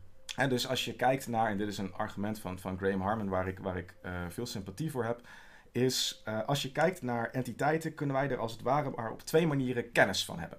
De ene manier is om te kijken uh, wat zit er in die entiteit. Hè? Wat zijn de onderdelen van de microfoon en hoe werken die? Dat is één manier om kennis te werven over de microfoon. Dat, en hij noemt dat ondermijnen, undermining, omdat je op een lager niveau gaat zitten. En dat bestaat als het ware al sinds de uh, presocratische positie. Right? Mm -hmm. Dus een presocratische positie zou zeggen: alles in deze ruimte, jij, ik, de microfoon, de, de koffiekan enzovoort, is uiteindelijk vuur of water. Er is een dieper liggende substantie, een kosmisch principe die alles uiteindelijk is. Hmm. Uh, mensen als Richard Dawkins die zeggen uh, uiteindelijk zijn het degenen in ons die de dienst uitmaken. Of mensen zoals Dick Swaap die zeggen het zijn de neuronen in ons brein die de dienst uitmaken. Dat zijn ook ondermijners. Die zeggen eigenlijk macro-entiteiten. Grote dingen zijn nep, dat zijn illusies, die bestaan niet echt. Kleine dingen die erin zitten, die zijn echt. Dat is de ene strategie om objecten te kennen. Tweede strategie om objecten... Alleen even een vraagje op Dick Swaap dan en, uh, en Richard Dawkins. Die hebben het niet over microfoons. Die hebben het alleen over ons, toch? Ja, dus die hebben een ondermijningspositie ten, aanzichte van, ten aanzien van ons. Dat klopt. Ja, oké. Okay. Maar iemand die bijvoorbeeld zegt, uiteindelijk is alles uh, atomen of snaren of wat dan ook, die ondermijnt alles Hmm. naar hetzelfde microniveau. Hmm. De andere strategie is overmijnen. Is dat je zegt, ik ga een uh, kennis verwerven door, door een ding, door te kijken uh, wat de context is waarin het functioneert. Dus wat is de microfoon? Nou, microfoon is alleen maar een microfoon doordat er zoiets is als de kunsten en muziekstudio's en zang en optredens enzovoort. En als al die dingen niet bestonden, dan zouden we geen klap begrijpen van wat een microfoon is. Dus dan reduceer je een ding naar zijn functies. Hmm. Dat is iets wat heel populair is in een uh, bepaalde tak bepaalde takken van continentale filosofie is dingen reduceren naar de taal waar ze in zitten, naar de cultuur waar ze in zitten, naar het discours waar ze in zitten, naar de economische orde waar ze in zitten. En als het ware dat als een soort motoren te zien die de boel aandrijven. Ja. Dus microfoons werken zoals ze werken, doordat ze in een bepaalde context zitten. Wat een, speculatief, wat een objectgeoriënteerde speculatief realist zegt, is we moeten de kennis die wij kunnen hebben van dingen niet, verwa niet verwarren met wat dingen zelf zijn. Dus waar een microfoon uit bestaat, en waar een microfoon in functioneert, zijn als het ware twee lagen die om de microfoon heen zitten, maar die niet de microfoon zelf zijn.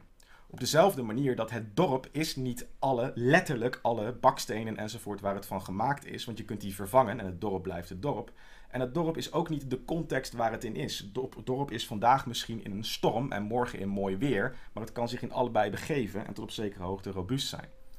Wat ik daar zelf ontzettend fascinerend aan vind, is dan krijg je een filosofisch framework wat heel erg secuur kan gaan eh, onderzoeken wat relaties nou met bepaalde dingen doen. Dingen bestaan via, binnen een bepaalde bandbreedte, waarin je moet zeggen, nou, een heleboel relaties die zaken onderhouden, zijn overbodig. Zijn letterlijk eh, oppervlakkig. Dus de Radboud Universiteit kan een heleboel gebouwen missen, een heleboel, heleboel studies die, die kunnen weg. Alle, de helft van de, nou, de studenten wisselen elke vier jaar, het personeel wisselt volledig elke 40 jaar en toch blijft het de Radboud Universiteit. Het is robuust.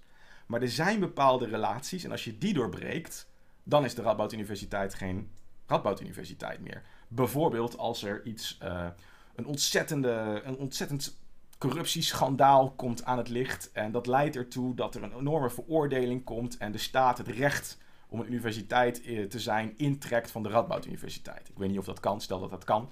Eh, dan is de Radboud Universiteit niet meer de Radboud Universiteit. En dan vind je dus een soort vitale relatie. Dan vind je een Tussen de relatie. staat en de universiteit, bijvoorbeeld. Juist. Ja.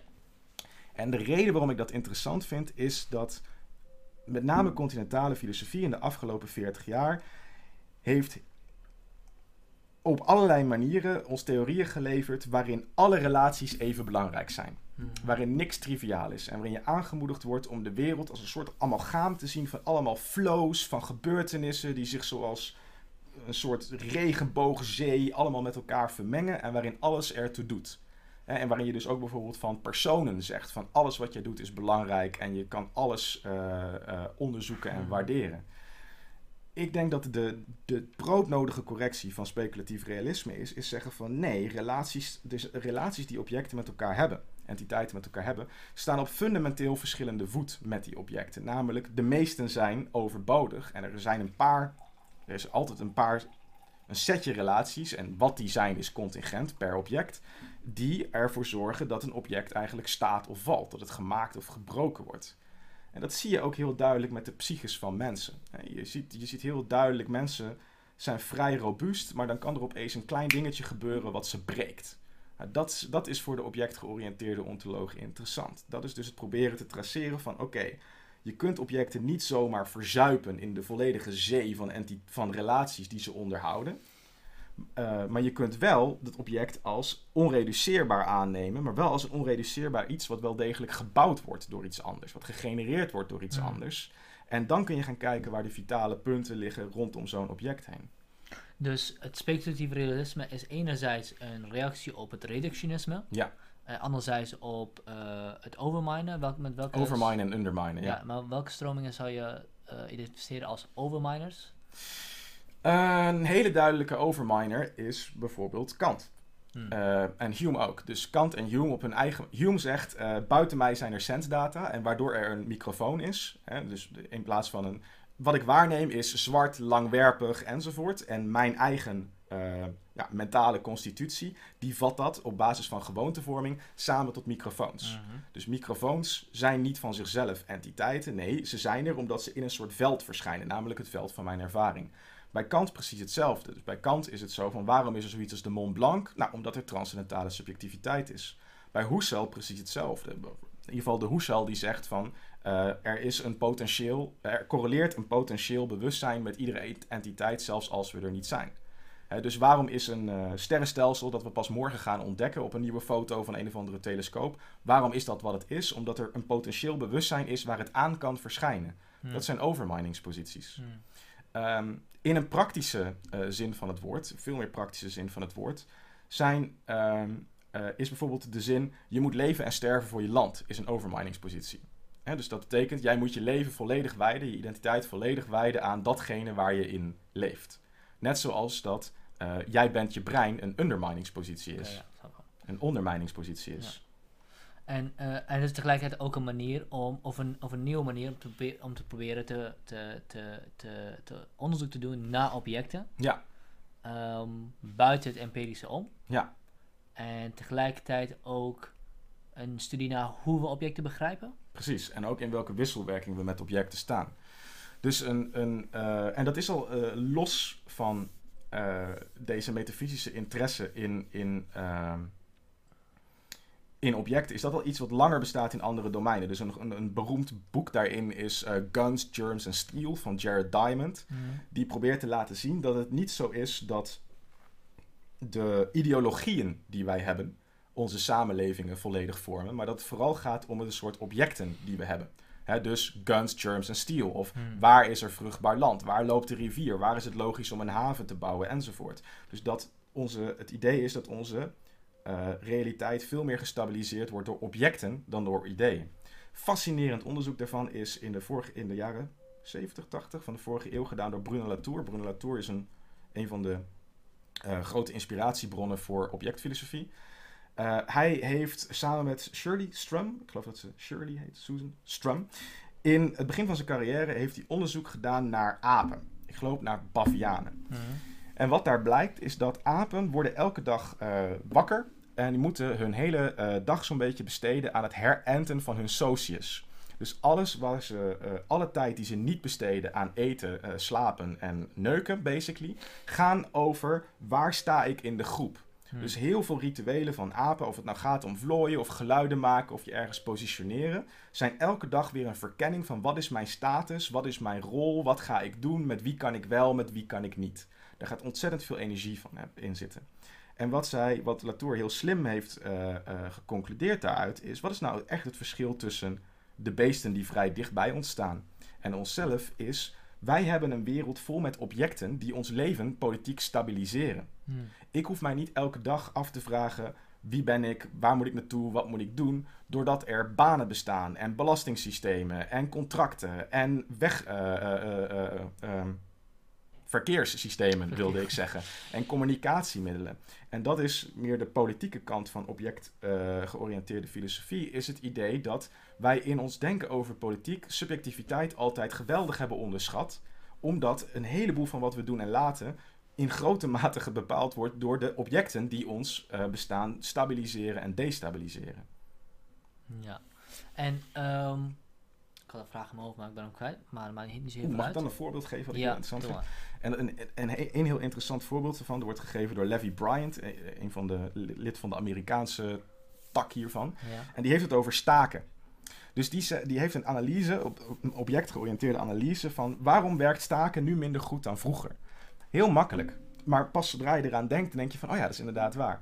Vroeger was het zo dat als je ging staken, dan deed je dat waarschijnlijk ten opzichte van de fabriek waar je werkte. Mhm. En die fabriek die had elke dag gewoon een enorme toevoer nodig van kolen en staal en onderdelen. En als die niet naar de fabriek kwamen en niet werden verwerkt, dan ontstonden er problemen.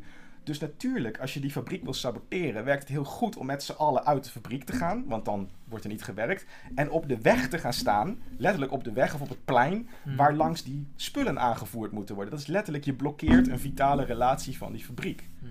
En zijn idee is, waarom is staken tegenwoordig veel minder effectief? Nou, omdat een heleboel bedrijven waar je misschien wel tegen wil staken, die hebben dat plein en die weg helemaal niet nodig.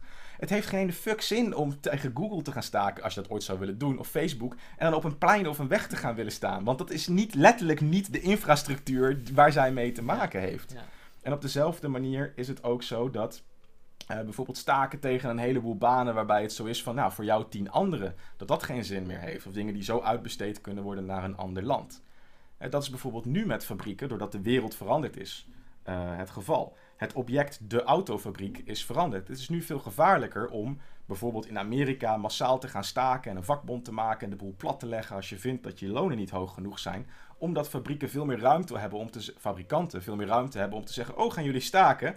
Top, wij gaan naar China. Succes. Zeg maar, ze kunnen makkelijker weg. Ze zijn minder gebonden aan die weg, die aanvoersroute en die arbeiders. Ik denk dat dat de, de uiteindelijke, los van het feit dat metafysica eh, eh, eh, gewoon een filosofische hoofddiscipline is, maar ik denk dat dat de, de praktische inslag van objectontologie is. Om daar veel meer aandacht aan te gaan besteden. Hmm. Dus, dus deze praktische ontologie, praktische objectgeba- objectgebaseerde filosofie, Mhm. kun je ook politiek toepassen door eh, deze analyses wat je net maakt. Ja, maar dan in eerste instantie, eh, ja, en dan zowel negatief als positief. Dus Ja. het, het negatieve kritische element is de overschatting van subjectiviteit in het politieke domein eh, bekritiseren. En het, de positieve contributie is veel meer traceren wat voor objecten er waar nou precies zijn. Ja, dus bijvoorbeeld Bruno Latour heeft daar een heel interessant experiment voor gedaan. Zowel in theorie, maar hij heeft het ook echt gedaan. En dat heet het parlement der dingen. Hmm. Waarbij het idee is van waarom lukt het niet om ecologisch bedreigde eh, entiteiten een politieke stem te geven? Nou, antwoord onder andere omdat ze letterlijk als entiteit geen tak, geen vertegenwoordiging hebben in een politieke arena. Hmm. Dus wat hij heeft gedaan met studenten in een soort enorme simulatie is een arena inrichten, een, een soort Tweede Kamer inrichten, waarin mensen zitten in facties die niet slechts ideologieën vertegenwoordigen, hè, zoals SGP, CDA, DENK, noem maar op. In plaats daarvan waren er net zoveel partijen die entiteiten vertegenwoordigden. Dus er was ook een delegatie voor Atlantische Oceaan. Er was een delegatie voor ozonlaag. En dat is een ontzettende, ontzettend interessante eh, eh, exercitie, een heel interessant gedachte-experiment. Want waarom zou het inderdaad zo zijn dat er twee zetels in, de Nederlandse, eh, in het Nederlands parlement, of drie, ik weet niet hoeveel ze hebben, om de SGP daarin te zetten? Waarom is dat minder gek dan zeggen eh, de dijken, de waterwerken? Hmm. Waarom zou er geen waterwerkenpartij zijn? Als het gaat over wat is van vitaal belang voor miljoenen Nederlandse burgers. Hmm. Het is volstrekt duidelijk, doordat er nog miljoenen mensen protestant zijn waarschijnlijk in Nederland, Hmm. dat er protestantse christelijke partijen in het parlement proberen te komen. Want die willen iets wat van vitaal belang is voor een heleboel mensen, voor, letterlijk voorop zetten en zich Mhm. daar rond clusteren en dat representeren in onze volksvertegenwoordiging. Waarom denken we altijd dat dat, dat, dat letterlijk ideologieën moeten zijn? Hmm. Waarom beseffen we ons niet bijvoorbeeld dat we op het punt zijn dat ook non-ideologische entiteiten, zoals de dijken, zoals waterwerken, zoals ecologische systemen enzovoort, ook voorop kunnen zijn? Partij voor de Dieren is iets wat dat wel pro- bijvoorbeeld probeert tot op zekere hoogte. Mhm. Ik probeer hem even te vatten, want ehm, hoe zou een vertegenwoordiging van dijken werken? Ehm, het punt is, die dijken zijn er om een reden. Ja. Die dijken zijn er niet om, zich, voor, om zichzelf. Dus er, er kan een situatie ontstaan waarbij je eigenlijk dij- de dijken weg wil halen. Ja, Ehm, een delegatie die de dijken moet vertegenwoordigen, zou daar niet mee, mee, mee aan de haal kunnen gaan, toch? dat klopt. Maar tegelijk, eh, wat het zou voorkomen, eh, dat is de, de inzet Mhm. van Latour's experiment, is dat je voorkomt dat zaken die van primair belang zijn, die echt prioriteit moeten hebben, bijvoorbeeld klimaatzaken, dat die niet eh, voorwaardelijk worden. En een goed voorbeeld daarvan is de, het standpunt van de SP ten aanzien van klimaat Mhm. In Nederland. Eh, dus als je kijkt naar de, eh, eh, op de website van de SP naar hun standpunt over klimaat, dan zeggen ze ja, Nederland moet eh 2050, geloof ik, zeggen ze. Pin me er niet op vast, het kan ook 2030 zijn. eh, CO2-neutraal zijn, mits er geen banen verloren gaan. Dat is heel vreemd. Hmm. In de zin van, vanuit de logica van de SP is het compleet logisch. Want de SP is primair een arbeiderspartij, een socialistische partij. Dus die zal altijd zeggen, wat er ook gebeurt, eh, de werkende mens moet er niet onder lijden. Mhm. Maar gezien de ecologische precariteit waar we mee te dealen krijgen, en dat is de, bijvoorbeeld de vraag die Latour zich stelt, waarom moet er dan geen partij zijn die zegt van, jongens, we gaan allerlei ecosystemen fixen. En bij alle andere besluiten zeggen we, ja leuk, werkgelegenheid en je kinderen naar school en ziektekostendekking enzovoort, maar alleen maar mits het bijdraagt aan het redden van onze eh, nou, looming ecological disasters, zoals Mm. hij het ergens zegt. En dat zou dus ook betekenen, zo'n zo'n beweging maken zou betekenen dat je meer erkenning krijgt voor de rol die entiteiten spelen. En allerlei non-culturele, non-ideologische, non-subjectieve enti- entiteiten spelen in ons bestaan. Wat Latour zich ook afvraagt is bijvoorbeeld, waarom zitten er in onze parlementen politici die zeggen wij eh, representeren de, de harten en de geesten van mensen, wat ze nou eigenlijk het liefst willen. Maar geen wetenschappers die zeggen wij representeren de entiteiten die eigenlijk zorgen dat we allemaal wel sterven of leven. Mhm, mhm. Nou, het zou zo moeten zijn, want, is er een, want de vraag is ook, is er een kwestie wat, wat, eh, eh, waarbij het fundamenteel verkeerd loopt, dus de inrichting van de staat is al verkeerd, Ja. of is het zo dat het contingent fout is? Want het zou zo moeten zijn dat in die ideologieën die gerepresenteerd worden, dat daar ook de objecten meegenomen worden die nodig zijn om Ja. die ideologie in stand te houden. Nou, ik denk dat dat, een, een, een, een, een- ik denk dat, dat eigenlijk een, een probleem van de moderniteit aan zich is. Wat het, waar het politiek betreft, is, de, is een hele sterke. ehm, een heel sterk element van onze moderniteit is de idee dat politiek ten eerste uiteenvalt in links en rechts. Hmm. En dat als het ware daar ook het lot van de wereld aan verbonden is. De, de Koude Oorlog is een heel goed voorbeeld van een Ja. op massaal niveau denken. En dat het ook op het moment natuurlijk zeker wel tot op zekere hoogte zo is. Het denken dat de wereld vooral gered gaat worden of ten onder zal gaan. afhankelijk van welk idee over eigenlijk de menselijke natuur er Ja. wint. Ja, ja. Dat is eh, denk ik pertinent onwaar. Dus ik denk dat het pertinent onwaar is dat de wereld staat of valt met, het, met wie er overwint. Namelijk Mm. een progressief idee over de menselijke natuur of een conservatief idee over de menselijke natuur. Ja, ik voel heel veel voor, eh, voor, voor wat je zegt in de zin dat objecten veel meer effect hebben op onze geschiedenis en ons leven dan we zouden willen denken. Ja, Eh, of dan we in, in de gaten hebben en dat we daar veel meer aandacht voor moeten hebben en dat onze relaties tot objecten en de relaties tussen objecten veel belangrijker zijn dan die subject-object relatie Mhm. dan we in eerste ge- gedachte zouden denken. Ik weet nog niet of dat betekent dat daarom de, het domein van de politiek niet het domein van het uitvechten van ideologie, ideologieën zou moeten zijn. Mhm. Uh, want zou het speculatief realisme dan niet ook een ideologie daarover zijn? Nee, speculatief realisme is geen ideologie. Want eh, het hele idee is van een, een, een, een, eh, een ideologie heeft een luxe die een filosofische theorie niet heeft. Namelijk een ideologie hoeft zich niet eh, eh, eh, per definitie noodzakelijk te tonen. Dus een, een, een ideologie hoef je niet argumentatief helemaal dicht te timmeren. En een ideologie hoef je ook niet in een omgeving te zetten waarin er specialisten constant bezig zijn met kijken of het misschien onwaar is. Dat is precies wat een Mhm. ideologie niet doet. Een ideologie is iets wat zich altijd probeert te onttrekken van zo'n veld. Terwijl een filosofie zich altijd daar probeert in te storten in zo'n argumentenstrijd. En er zijn daar natuurlijk mengvormen in. Marxisme is één ding wat je zou kunnen noemen als iets wat zowel een filosofie als een ideologie is. Maar ik denk niet dat je eh, speculatief realisme of welk ander filosofisch genre dan ook een ideologie kan noemen, omdat je dan een verkapte sociaal constructivist bent. Namelijk, dat is, dat is, dan neem je een metapositie in van een verhaal is ook maar een verhaal. Een theorie is ook maar een verhaal. Ja, en, en inderdaad, ik heb vaak moeite met dat, met, dat, met dat argument. Ik weet alleen niet waarom en hoe ik daar tegenin zou moeten gaan. Want waar ik niet tegen kan, kan gaan, wa- waar ik niet kan uitstaan, is mensen die zeggen: Oh, ben je sceptisch, maar Ja. je gelooft toch dit dan wel. Ja, Uh, dus dat, dat metanarratief, waarom is dat een probleem? Eh, omdat het, precies omdat het een te makkelijke stap is. Hè, dus bijvoorbeeld, eh, ik, ja, een herinnering die ik had was op een gegeven moment kwam, eh, kwam hier in Nijmegen kwam Marcus Gabriel zijn, eh, zijn systeem Mhm. presenteren. En eh, in de Q&A werd hem gevraagd van ja, maar hoe weet u dat dit waar is?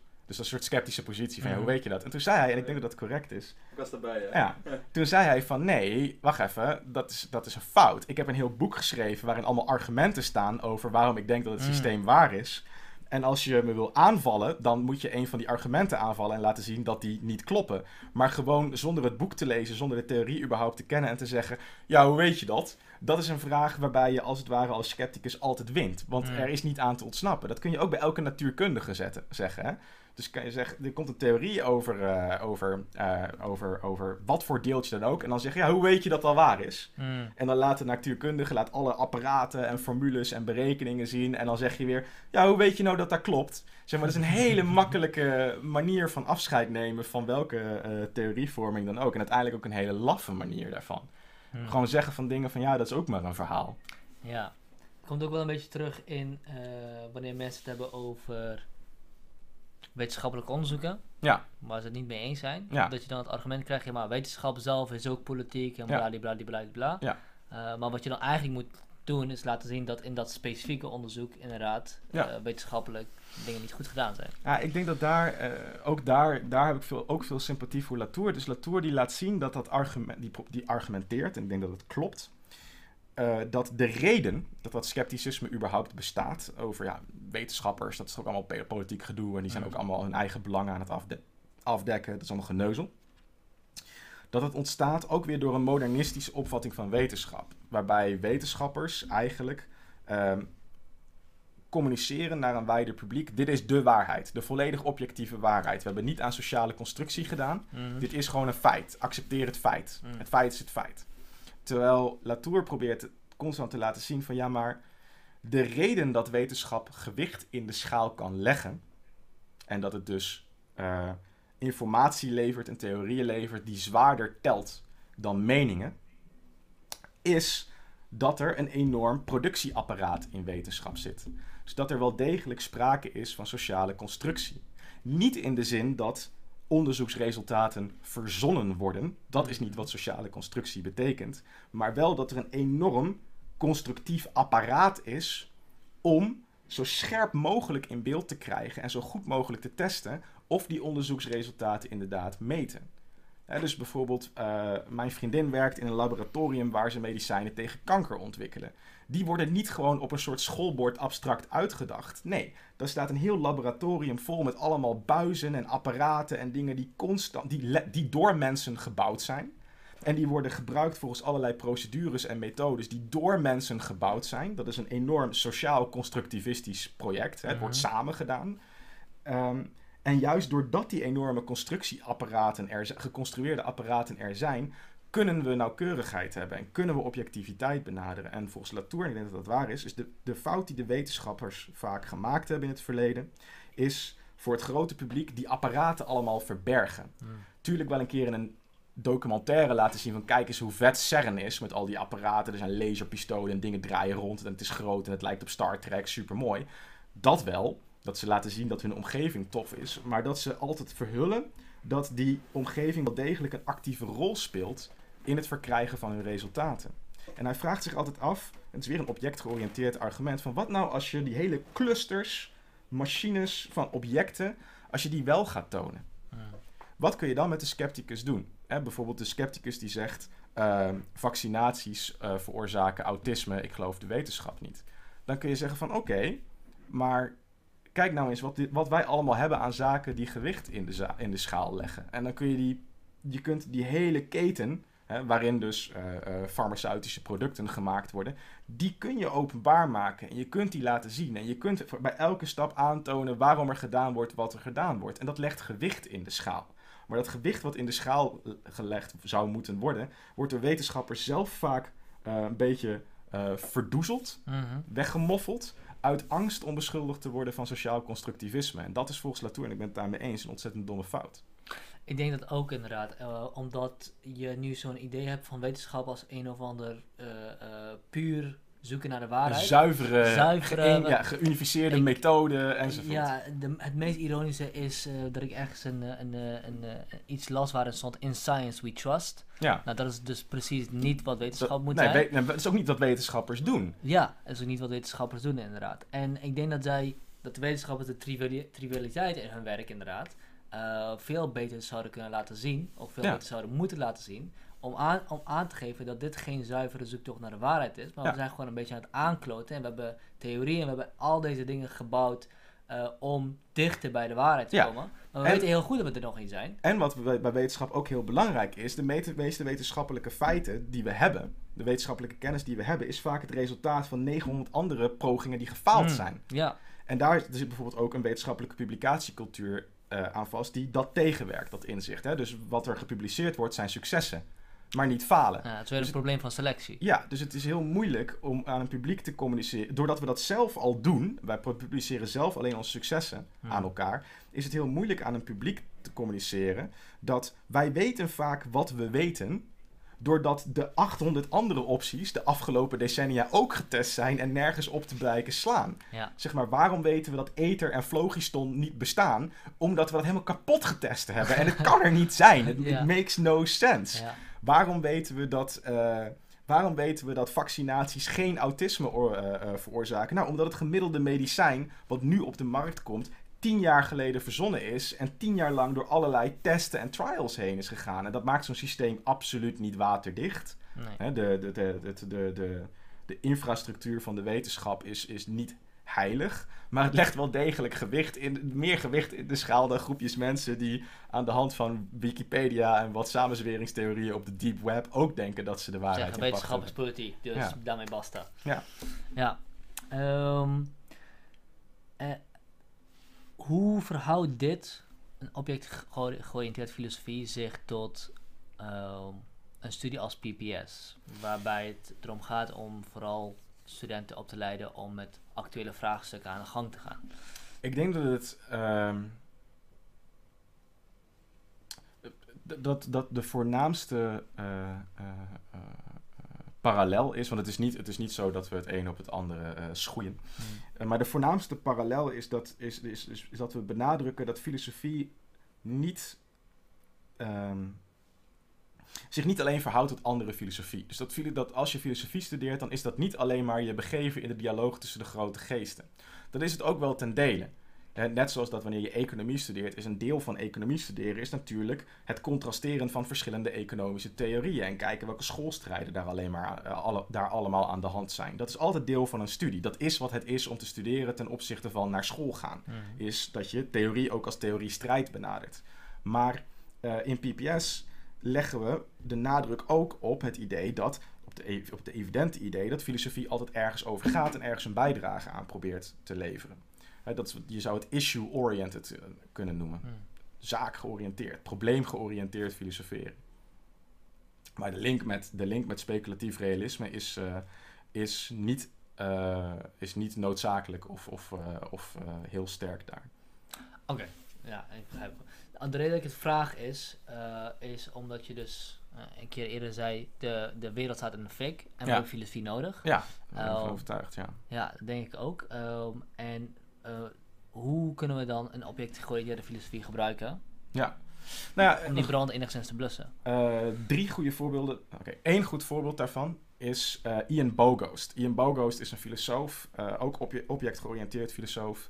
Eh, maar hij is ook een computer- en game specialist, ook een digitaliseringsspecialist. En hij schrijft ook voor eh, mainstream media, zoals The Atlantic. En wat, hij, wat je in zijn werk heel duidelijk ziet, is een verfrissende stem die niet, zoals veel filosofen, de techniek als één veld ziet, wat allemaal hetzelfde zal doen. En dan vragen gaat stellen als, is het goed, is het slecht? Mm. Vervreemdt het ons van onszelf of niet? Mm. Maar de Heideggeriaanse benadering van Mhm. techniek. Maar die een objectgeoriënteerde benadering heeft, die heel erg duidelijk neerkomt op, oké, de smartphone, de Apple, eh, de Apple smartphone, de iPhone. Ik ga daar naar kijken. En misschien vind ik daar allemaal eh, eh, manieren waarop het andere objecten verandert en ook ons menselijk bestaan verandert, die niet noodzakelijkerwijs gelden voor andere stukken techniek, zoals auto's of eh, contactlenzen of protheses, maar die wel voor dit specifieke stuk techniek zorgen. Dus je ziet daar, dat is punt 1, het zorgt voor een. ehm, het moedigt geesteswetenschappers aan om wanneer ze de sociale wereld analyseren, om daar objectspecifiek in te zijn. Dus niet a priori aan te nemen dat alle technologie samenvalt valt in het veld techniek. Waar, en dat je aan de hand van eigenschappen van het veld techniek alles kan zeggen om, over om het even welke technologie. Of hetzelfde met cultuur, of hetzelfde met de markt. Dat is één. Twee is dat het een hele goede corrigerende functie kan hebben. En dat zie je heel duidelijk bij Timothy Morton. Timothy Morton is de objectontoloog die veel schrijft over natuur en ecologie. En die heeft een heel kritische positie ten opzichte van een heleboel pogingen van ons om aan natuurbescherming te doen of aan natuurwaardering te doen.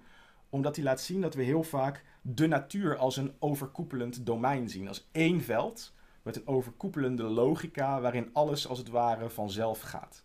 En zijn obje- objectgeoriënteerde blik die zorgt voor een hele heldere correctie daarin en laat zien van nee, er is niet zoiets als de natuur. Er zijn fragiele ecosystemen en die bestaan lang niet altijd netjes uit of menselijke entiteiten die wij gebouwd hebben, steden en auto's enzovoort aan de ene kant en bossen en dieren aan de andere kant. Nee, die systemen, die hyperobjecten, die bewegen zich door elkaar heen en die zijn en die, dat wat wij de natuur noemen is geen monistisch domein. Het is een pluralistisch gezwerm. Het is een gedoe, een gedoetje. Ehm, en dat is heel erg nodig. Bijvoorbeeld in 2011, pin me er niet op vast, had je de Deepwater Horizon olieramp. Dat was in de, eh, eh, eh, aan de zuidkust, aan de zuidoostkust van Amerika. Een olieplatform dat ja, ontzettend begon te lekken. Grootste olieramp in Amerikaanse kustwateren ooit. De dag nadat het gebeurd is, gaat de toenmalige CEO van BP een persconferentie in en zegt letterlijk: ehm, Ja, we moeten ons allemaal niet zo druk maken, want dit is eh, slechts een klein drupje in het grote domein van de natuur. Ik parafraseer even. En de natuur die corrigeert zichzelf wel. Dus dat is dat romantische idee van de natuur als een soort Disney-achtig domein waarin de vogels en de bomen en de beesten allemaal in harmonie met elkaar bestaan en Ja. dat zich ook zelf corrigeert. En waar alleen wij mensen de stoorzender in kunnen zijn. Met geen oog voor de lokale ramp die er eigenlijk plaatsvond. Precies, en ook geen oog met hoe, zo, hoe, de, hoe, de, ehm, hoe, hoe zo'n lokale ramp zich eigenlijk in allerlei entiteiten vertakt. Hè? Dus vissen die kapot gaan, waardoor er weer allerlei roofdieren niet aan vis komen, wat weer lange termijn cascadische effecten heeft, enzovoort. Dus je ziet bij Boghost heel erg dat er een analytisch positief iets komt, namelijk eh, filosofische interesse in concrete objecten als objecten, in plaats van filosofische op- interesse in concrete objecten als lid van een bepaald veld. Mhm. En bij Timothy Morton zie je heel duidelijk de kritische functie ervan. Namelijk het ontmantelen van punten waarop wij niet objectgeoriënteerd denken. En doen alsof er in de wereld gewoon een paar laagjes bestaan. De natuur, de economie, de atomen. Die als het ware alles aansturen. Zodat objecten niks anders zijn dan een soort passieve afbeeldingen. Een soort diaprojecties die zelf niks doen. Mhm. Dat was nummer twee. Dat was nummer twee. Dat is drie, zei je. Heb ik er drie. Dan ben ik nummer drie even vergeten. Nou, maar je uit. Eh, want ik heb wel. eh, ik, ik, ik heb het idee dat ik de inzet van het speculatief realisme nu iets beter begrijp. Omdat ik begrijp hoe vanuit, vanuit Kant en Heidegger de objecten zelf eigenlijk naar de achtergrond eh, vallen. En wanneer je je concentreert op de relatie subject-object, Mhm. dat eigenlijk de, de, de, de, ehm, eh, de individuele objecten vervagen. Ja. En dat je eigenlijk gaat kijken naar een soort van waas van een wereld. Dus de subject, Ja. het subject en het object. Ja. En dat is wat je dan krijgt. En speculatief realisme is eigenlijk een herwaardering van de eh, diversiteit aan objecten en hoe die op elkaar inspelen. En de concreetheid daarvan, ja, zeker. En dat naast eh, de namen die je net noemt, is het denk ik ook een eh, reactie op een tendens in, eh, in continentale filosofie vooral om dus heel veel te reduceren naar discours en naar machtsrelaties, waardoor je dus ook weer in, ter- in termen van velden, hè, Mm. een soort netwerkerige velden gaat denken in plaats van concrete entiteiten. En het is een reactie, eh, met name bij Tristan Garcia en Marcus Gabriel, op een tendens in sommige stukken analytische filosofie om heel fysicalistisch te zijn. Dus om eigenlijk te denken dat een heleboel mentale of culturele entiteiten eigenlijk niet bestaan, maar op een bepaalde manier gereduceerd kunnen worden tot eh, fysieke entiteiten. Oké. En Kunnen we heel even een, eh, een toiletpauze ja, doen? zeker. Zeker. Top.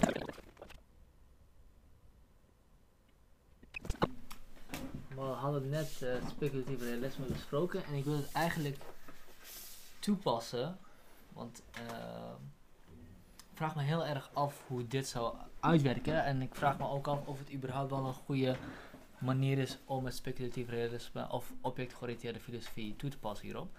Eh, het schip van Theseus. Eh, het klassieke identiteitsprobleem van Mhm. Hume eigenlijk. Is dat iets waar je op kan toepassen? Als de vraag is dus, hè, dus het, de- het schip van Theeshuis is, het- je hebt er verschillende versies van. Dus één, Ja. je vervangt elke dag een plank en op Mm. een gegeven moment kom je op het punt dat alle planken vervangen zijn. Eh, heb je dan nog wel het schip van Theeshuis? Ja. Een andere, eh, nog erger is, elke plank die je weghaalt, daar maak je weer datzelfde schip van. van, Dan heb je dan op een gegeven moment twee schepen van Theeshuis. En dan zijn er, er zijn er nog meer die echt bad shit crazy gaan zijn. Het is verschrikkelijk. Ehm, Er is eentje nog, die, die vervangt elk eh, stuk hout, vervang je met, Ja, plastic. polyester, ja. Ja. polyester, Ja. whatever. Ja, en is het dan nog het schip van Theseus? Ja, ik, ik denk dat dat, eh, dat het, de, het bestaan van dit raadsel eh, kan niet opge- het raadsel kan niet opgelost worden voor spe- door objectgeoriënteerde ontologie. Maar ik denk wel degelijk dat het eh, bestaan van deze eh, schijnbare paradox in het voordeel van speculatief realisme spreekt. Namelijk, iedereen snapt de intuïtie dat met de eerste plank die je weghaalt, het schip van Theseus niet verdwijnt. Mhm. En iedereen snapt ook dat als je genoeg dingen aan iets verandert, dat het op een gegeven moment wel degelijk eh, iets anders is. Mhm. Dus we zien ook daar weer dat bandbreedte idee van niet alle relaties van een object met zijn componenten, hier de planken van het schip, eh, zijn even vitaal. Het is niet zo dat als je één plank eruit trekt dat het hele schip weg is. Mhm. Maar er is wel degelijk een soort drempelpunt en een soort kookpunt waarop je zoveel aan iets veranderd hebt dat het zichzelf niet meer is. Mhm. Dus een, een, eh, een ander goed voorbeeld daarvan is bijvoorbeeld, eh, je ziet het heel duidelijk bij mensen. Het is niet zo dat alles wat wij eh, doorheen de dag meemaken, hè, alle cellen die wij, eh, afscheiden, de dode huidcellen, de kleine dingetjes die we vergeten zonder dat we het zelf merken, de duizend gebaren en routines waar we doorheen gaan zonder dat we er bewust aandacht aan besteden, die zijn als het ware analoog aan het vervangen van die planken. Mhm. Al die kleine verwijderingen en toevoegingen veranderen niet fundamenteel wie we zijn. Maar dat betekent niet dat we niet fundamenteel veranderd kunnen worden. Grote gebeurtenissen in ons leven kunnen ons wel degelijk veranderen. En die dringen dan opeens door tot de kern van, eh, ja, van onze identiteit. Ja. Maar dan, dan pak je wel de, de, de, de ervaring van het subject als datgene wat bepaalt of iets veranderd is of niet. Ja, dat als, is je, als, je de, interessant. als je de kern noemt. Zeker als je de kern noemt. Dat is interessant. Dat is iets wat bijvoorbeeld in de filosofie van Sartre eh, eh, veel mee geworsteld, wordt, eh, ge- geworsteld wordt. Zeker in zijn middenperiode. Dus dan heeft hij, heeft hij wel degelijk een idee van... Ja, wij, wij kiezen dingen hè, wij, ten Mhm. aanzien van onze entiteit. Maar dan heeft hij ook noties van iets wat daaronder zou liggen. En dat noemt hij een origineel project. Of een fundamenteel project. Het is eigenlijk keuzes. En dan dieper is fundamentele projecten. En nog dieper is originele projecten. Want... eh, en zonder dat uit te leggen, eh, is de reden daarvoor waarom hij dat doet heel duidelijk natuurlijk. Omdat wij kiezen de keuzes die we kiezen. We maken de keuzes die we maken om redenen die we hebben. Maar die redenen zijn niet altijd zaken die op hetzelfde niveau staan als die keuzes. Die kunnen dieper liggen. Mhm. Dus waarom ben ik hier vandaag? Nou, ik ben hier vandaag omdat ik onder andere filosoof ben. Dus de keuze die ik heb genomen om hier naartoe te komen is eh, ten dele een gevolg van een vorige keuze die ik veel eerder heb genomen. Mhm. Namelijk filosoof worden. Maar wanneer heb ik dat gekozen? Er is nooit een soort biografisch moment geweest waarop de hemel zich opende en er klonk trompetgeschal en een stem zei: Arjen, je bent vanaf nu iemand die in ieder geval filosoof probeert te zijn. Nee, Komt er zo aan. je hebt dat, nou, dat kan. Je hebt, maar je hebt dat ergens gekozen, Ja, ja En maar is dat een keuze? Is dat een keuze of is dat iets wat je overkomt. Ja, dat is, de, dat is de vraag. Of benaming, Beleving. beleving. Dat kan. Eh, dat, dat ligt aan, aan je concept van, van kiezen. Wat ik, wat ik, wat ik zelf. Ik, ik ben daar zelf niet over uit. Dat is wel iets waar, waar, ik, waar, ik nog, waar ik mee bezig ben. Met name de combinatie tussen Sartre en speculatief realisme vind ik op meerdere redenen interessant. Maar wat ik ehm, wel, waar ik wel degelijk achter sta, is het idee dat je ehm, als mens fundamenteel kan veranderen door, door iets langzaams, incrementeels, wat je zelf helemaal niet merkt. Je kunt al lang, dus een keuze, dat is denk ik één deel van het antwoord, is dat een keuze is niet altijd één moment. Mhm. Zoals in een restaurant na 10 minuten twijfelen van de menukaart eigenlijk gewoon dan zeggen van oké, ik neem de groentekies. Mhm. Eh, veel keuzes strekken zich uit over een langer tijdsbestek. Mhm. Dus het kan best zijn dat eh, eh, de keuze, wanneer wist je dat je ging verhuizen naar, ehm, naar Moskou, dat de keuze om te verhuizen naar Moskou, dat het een proces, dat dat letterlijk een proces van een jaar is. Ja. Dus ik denk echt dat het niet zo is dat, er een proces, dat het niet zo hoeft te zijn dat er een proces van een jaar is en dan een keuze. Mhm. Maar dat letterlijk het kiezen een jaar kan duren. Dus ik Mhm. denk dat w- wij denken vaak dat wij een soort. eh, dat, dat als er iets is als de menselijke wil, dat dat letterlijk een soort stoplicht is. Van rood, groen. Of een, een soort, soort diadisch ding wat voor A en B kan gaan. Ik denk dat niet. Bergson, die wel eerder. Als je, dan, eh, als je dan het verschil maakt tussen overwegen en kiezen. Dus je bent een jaar lang aan het overwegen en uiteindelijk maak je de keuze. Ik denk dat dat, ik denk dat, dat dus onder andere een, vals, eh, een valse tegenstelling Mm. is. Omdat ik denk dat als je overwegen en kiezen los van elkaar koppelt, dan is het volledig abstract.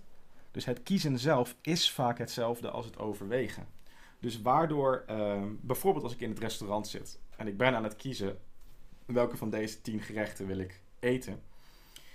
Het is niet zo dat ik dan de tijd stilzet, zo woef, als soort bullet time, en dan in een soort abstracte witte matrixruimte zonder informatie, zonder overweging de keuze maak. Nee, wat er gebeurt is, ik ga denken aan wat ik deze week al gegeten heb.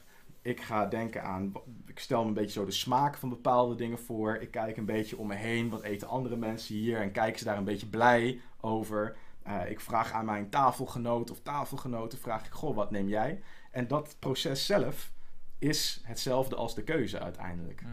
denk ik zelf. Mhm. Want het zou heel, het zou heel raar zijn om dan te zeggen van... Oké, nou stop de tijd, net als in een spelshow. Nu gaan we de keuze maken. En het, de keuze die je maakt is vaak ook iets wat volgt uit de overweging. Dus de keuze is eigenlijk minder vrij dan de overwegingen die je neemt. Ja, in zekere zin wel. Als ik hem dan even iets anders erin gooi. Eh, je maakt niet de keuze om filosoof te worden, Mhm. maar je maakt wel de keuze om die dingen te doen die jou een filosoof maken. Ja. En wellicht word je dan een filosoof.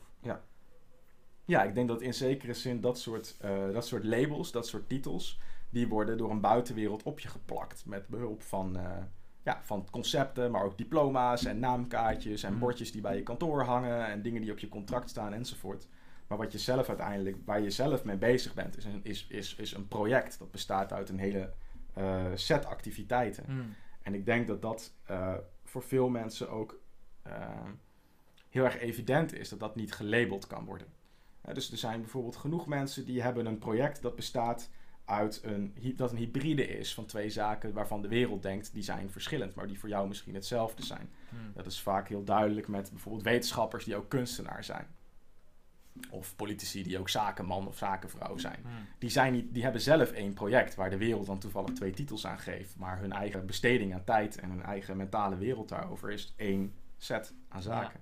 Ja, inderdaad. Hoe kwamen we hierop? Geen idee. We Ook, ook alweer. hadden eh, pauze gehad en eh, toen eh, we begonnen over het schip van de schip van Thesaus, Eh, ja. Thesaus, inderdaad. En wat je eigenlijk daar aangaf was eigenlijk wel sterk. wa- Want je, daaruit distilleer je inderdaad dat er relaties zijn van een object die meer of minder belangrijk zijn. Ja. Dus dat spreekt juist voor het object, voor de objectgeoriënteerde filosoof. Ik denk ook dat dat, dat zit niet alleen in objectgeoriënteerde filosofie. Dat zit ook in de filosofie van Deleuze heel veel. Of Gilles Deleuze, Franse Mhm. filosoof, waar ik, waar, ik veel, eh, waar ik veel inspiratie aan onttrek. Die heeft zeker in zijn late werk, in zijn vroege werk... Hij is een van de, van de hoofdverantwoordelijken met zijn werk Difference Repetition van een, een, een, een, eh, een, een, een soort continentale filosofie... dat alles in de wereld probeert te zien in termen van flows en processen en intensiteiten die door elkaar heen lopen. Dus eigenlijk mensen die zeggen van... nou het is min of meer een illusie van de perceptie dat er hele concrete entiteiten en identiteiten zouden zijn. Achter de schermen of in werkelijkheid is er veel meer eh, um, flow en is er veel meer vermenging en veel meer dynamiek en constante verandering.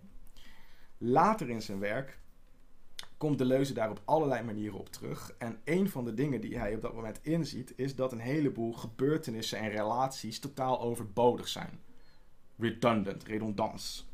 Uh, en wat hij daarmee bedoelt is dus dat een heleboel entiteiten stabiel en robuust zijn ten opzichte van de veranderingen die ze doormaken. Dus je ziet daar dus binnen zo'n denker zelf, die heel erg geassocieerd wordt met het postmodernisme en uh, nou, alle uitwassen daarvan, zie je dat hij zelf ook op latere leeftijd zich toch beseft van ja, maar wacht eens even, dat klopt helemaal niet. Er moet iets zijn dat zich verzet tegen verandering, dat min of meer identiek blijft en dat wel veranderd kan worden, maar niet in hetzelfde tempo als alle relaties die dat ding aangaat en waar hij zich mee begeeft. Er moet iets in de.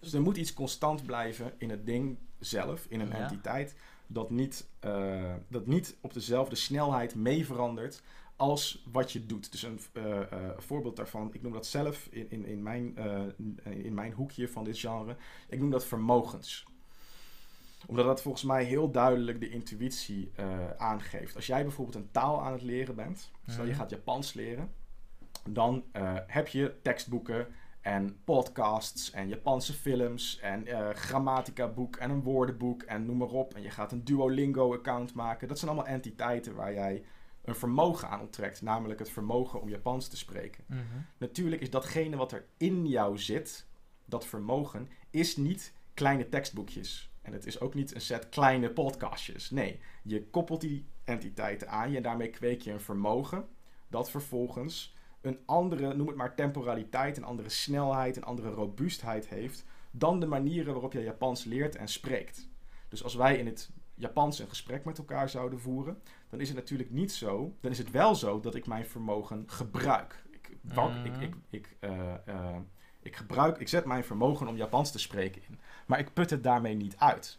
Dat wat, wat mij vormt uiteindelijk, mijn set aan vermogens, mijn totale set aan vermogens die ik ontleen aan allerlei koppelingen met objecten, niet in het minst mijn eigen lichaam, die heb ik wel dankzij al die objecten.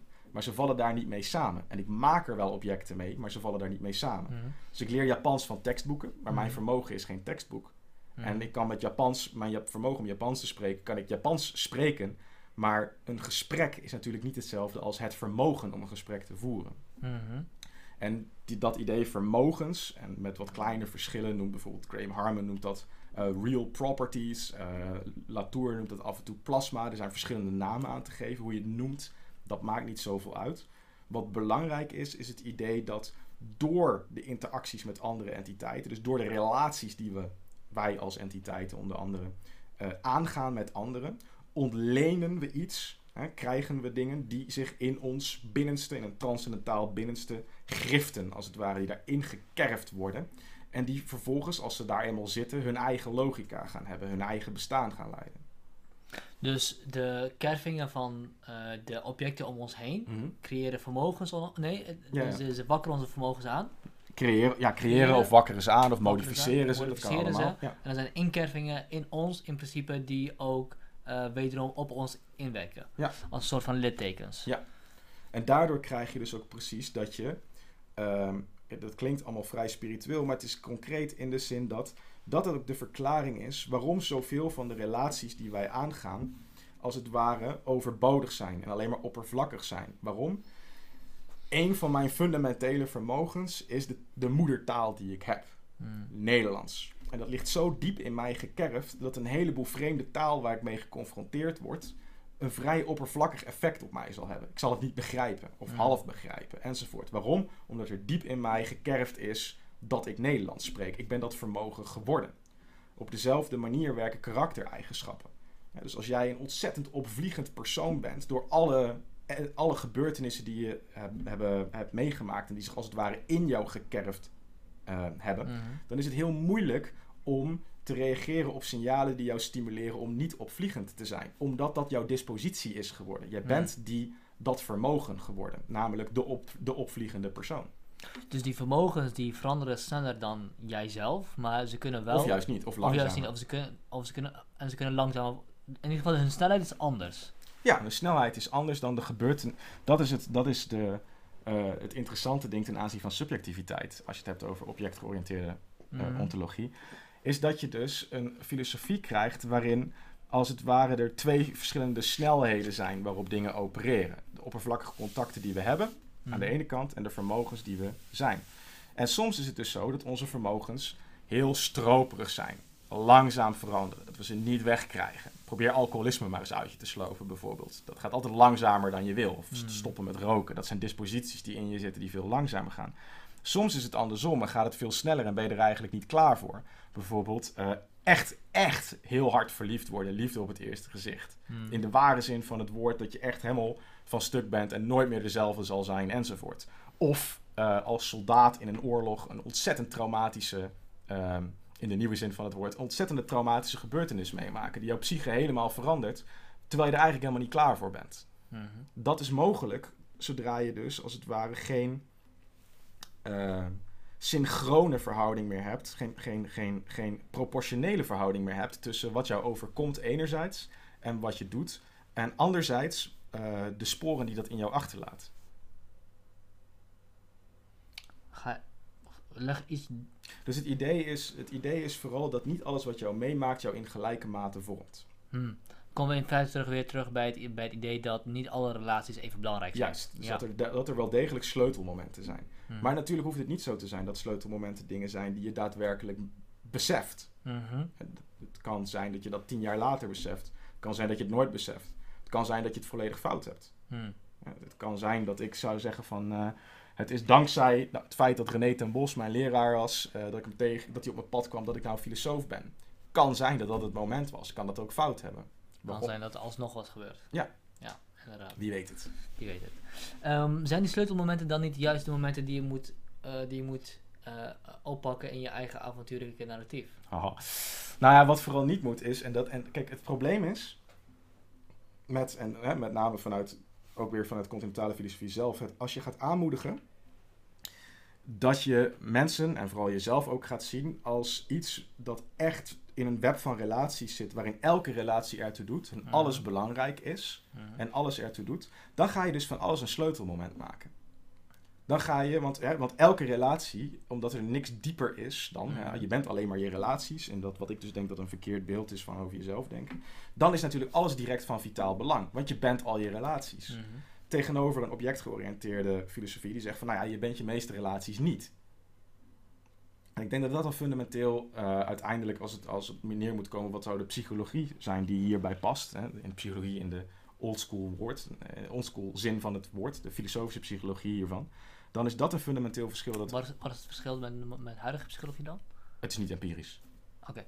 Eh, maar gewoon, hè, dus hoe zou je de menselijke psyche beschrijven vanuit een bepaald filosofisch eh, systeem? Mhm.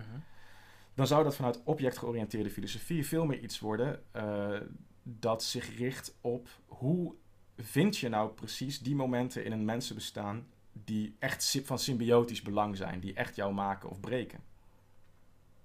En is dat niet... Ja, je bent even aan het denken, Ja, zie ik.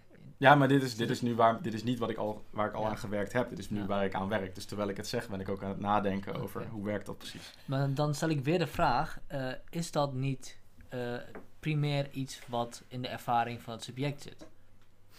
Ja, dat weet ik niet. Ik, ik ben vrij pessimistisch over.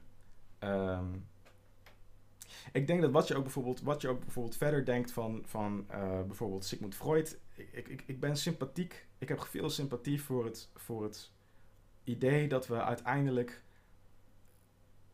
onszelf vrij slecht kunnen kennen. Mhm. En voor het idee dat veel eh, belangrijke zaken in onze psyche eh, impliciet werken. En dat die slechts met de grootste moeite eh, aan, aan het voetlicht kunnen gebracht worden. Mhm. Dus ik denk dat dat een. eh, niet dat je er daarom niet aan moet werken of mee bezig moet zijn. Maar ik denk dat het hele idee dat omdat wij ervarende wezens zijn, dat ook onze ervaringen transparant voor ons zouden kunnen zijn, dat dat, dat, dat niet helemaal klopt. Hmm.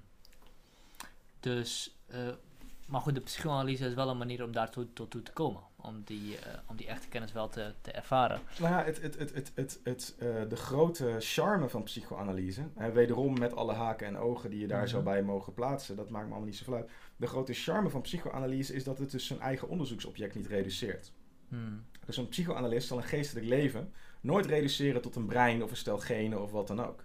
En een psychoanalist zal een geestelijk leven nooit reduceren tot een culturele context of wat dan ook. Hmm. Psychoanalist zal natuurlijk wel evident eh, doorhebben van natuurlijk speelt jouw biologische eh, eh, stand van zaken speelt mee in hoe jouw psyche werkt. Mhm. En natuurlijk speelt jouw context ontzettend mee in hoe jouw psyche werkt. En welke trauma's je al dan niet hebt. Maar uiteindelijk is het onderzoeksobject, is het ware wat ik de vermogensstructuur noem van die psyche zelf. Van de disposities en de neigingen die jij zelf hebt. Hmm. Ten gevolge van al die zaken die in jou gekerfd zijn door je biologie en door je cultuur enzovoort. Maar het gaat wel uiteindelijk om jouw eigen psyche. Hmm. Hmm, Die volgde ik niet helemaal. Nou, het, het idee is, eh, laat ik het anders zeggen. Er komen heel veel dingen die... Als het gaat over eh, wanneer ken je, laten we het dan eh, doen over wanneer ken je nou iemand echt? Ik denk dat als wij beschrijvingen hebben, wanneer beschrijf je iemand op een informatieve manier, dat dat vaak gaat over de stijl van mensen. Hè, dus als je wil beschrijven wie is Kanye West, als je gaat zeggen hij is een hip-hop producer en een celebrity enzovoort, Hmm. dan noem je allemaal kenmerken op die andere mensen met hem delen. Hè, je kunt daar niet uniek Kanye West aan beschrijven. Maar als je Kanye West gaat beschrijven in termen van metaforen, van hij is een soort, eh, hij is een geniale Einstein gemengd met een Kurt Cobain van de hip-hop, zeg maar, dan zeg je al, dan zeg je meer. Hmm. Het interessante daarvan is dat je in dat soort eh, beeldspraken, dat je het dan niet hebt over, je reduceert niet, zeg maar. Je hebt het niet over de categorieën waar hij in zit, zijn beroep of wat dan ook. En je hebt het niet over eh, waar hij uit bestaat, maar je hebt het over wat zijn vermogensstructuur, zijn persoonlijkheid, zijn karakter nou eigenlijk kenmerkt. En je probeert dat in een bepaald beeld te vangen dat hem juist niet reduceert. Mhm. Dat, daarom hebben ze bij sporters ook vaak de bijnaam van dat is de leeuw, of dat is de kraanvogel, of dat is de, de muis. En dat, dat, is, dat betekent niet dat die persoon daaruit bestaat of dat doet, maar dat of in die context zit. Dat betekent dat die persoon een bepaalde stijl van handelen heeft die je daarmee probeert te duiden. Mhm. Ik denk dat psychoanalyse, dat is een rare brug, maar op dezelfde manier werkt. Dat bijvoorbeeld de manier, de een van de redenen is waarom Freud zo literair schrijft. Je probeert iemand beeldend te duiden, juist om te voorkomen dat je haar of hem reduceert tot iets wat ze niet zijn. Hmm. Oké. Ehm, de reden waarom we hierop kwamen, is omdat jij eh, zei, of omdat ik de vraag stelde, al eh, zouden die sleutelmomenten die je in je leven hebt. Dus niet alle dingen die in je leven gebeuren zijn even belangrijk. Mhm. Dat is object, o- eh, objectgeoriënteerde filosofie. Er zijn een aantal sleutelmomenten.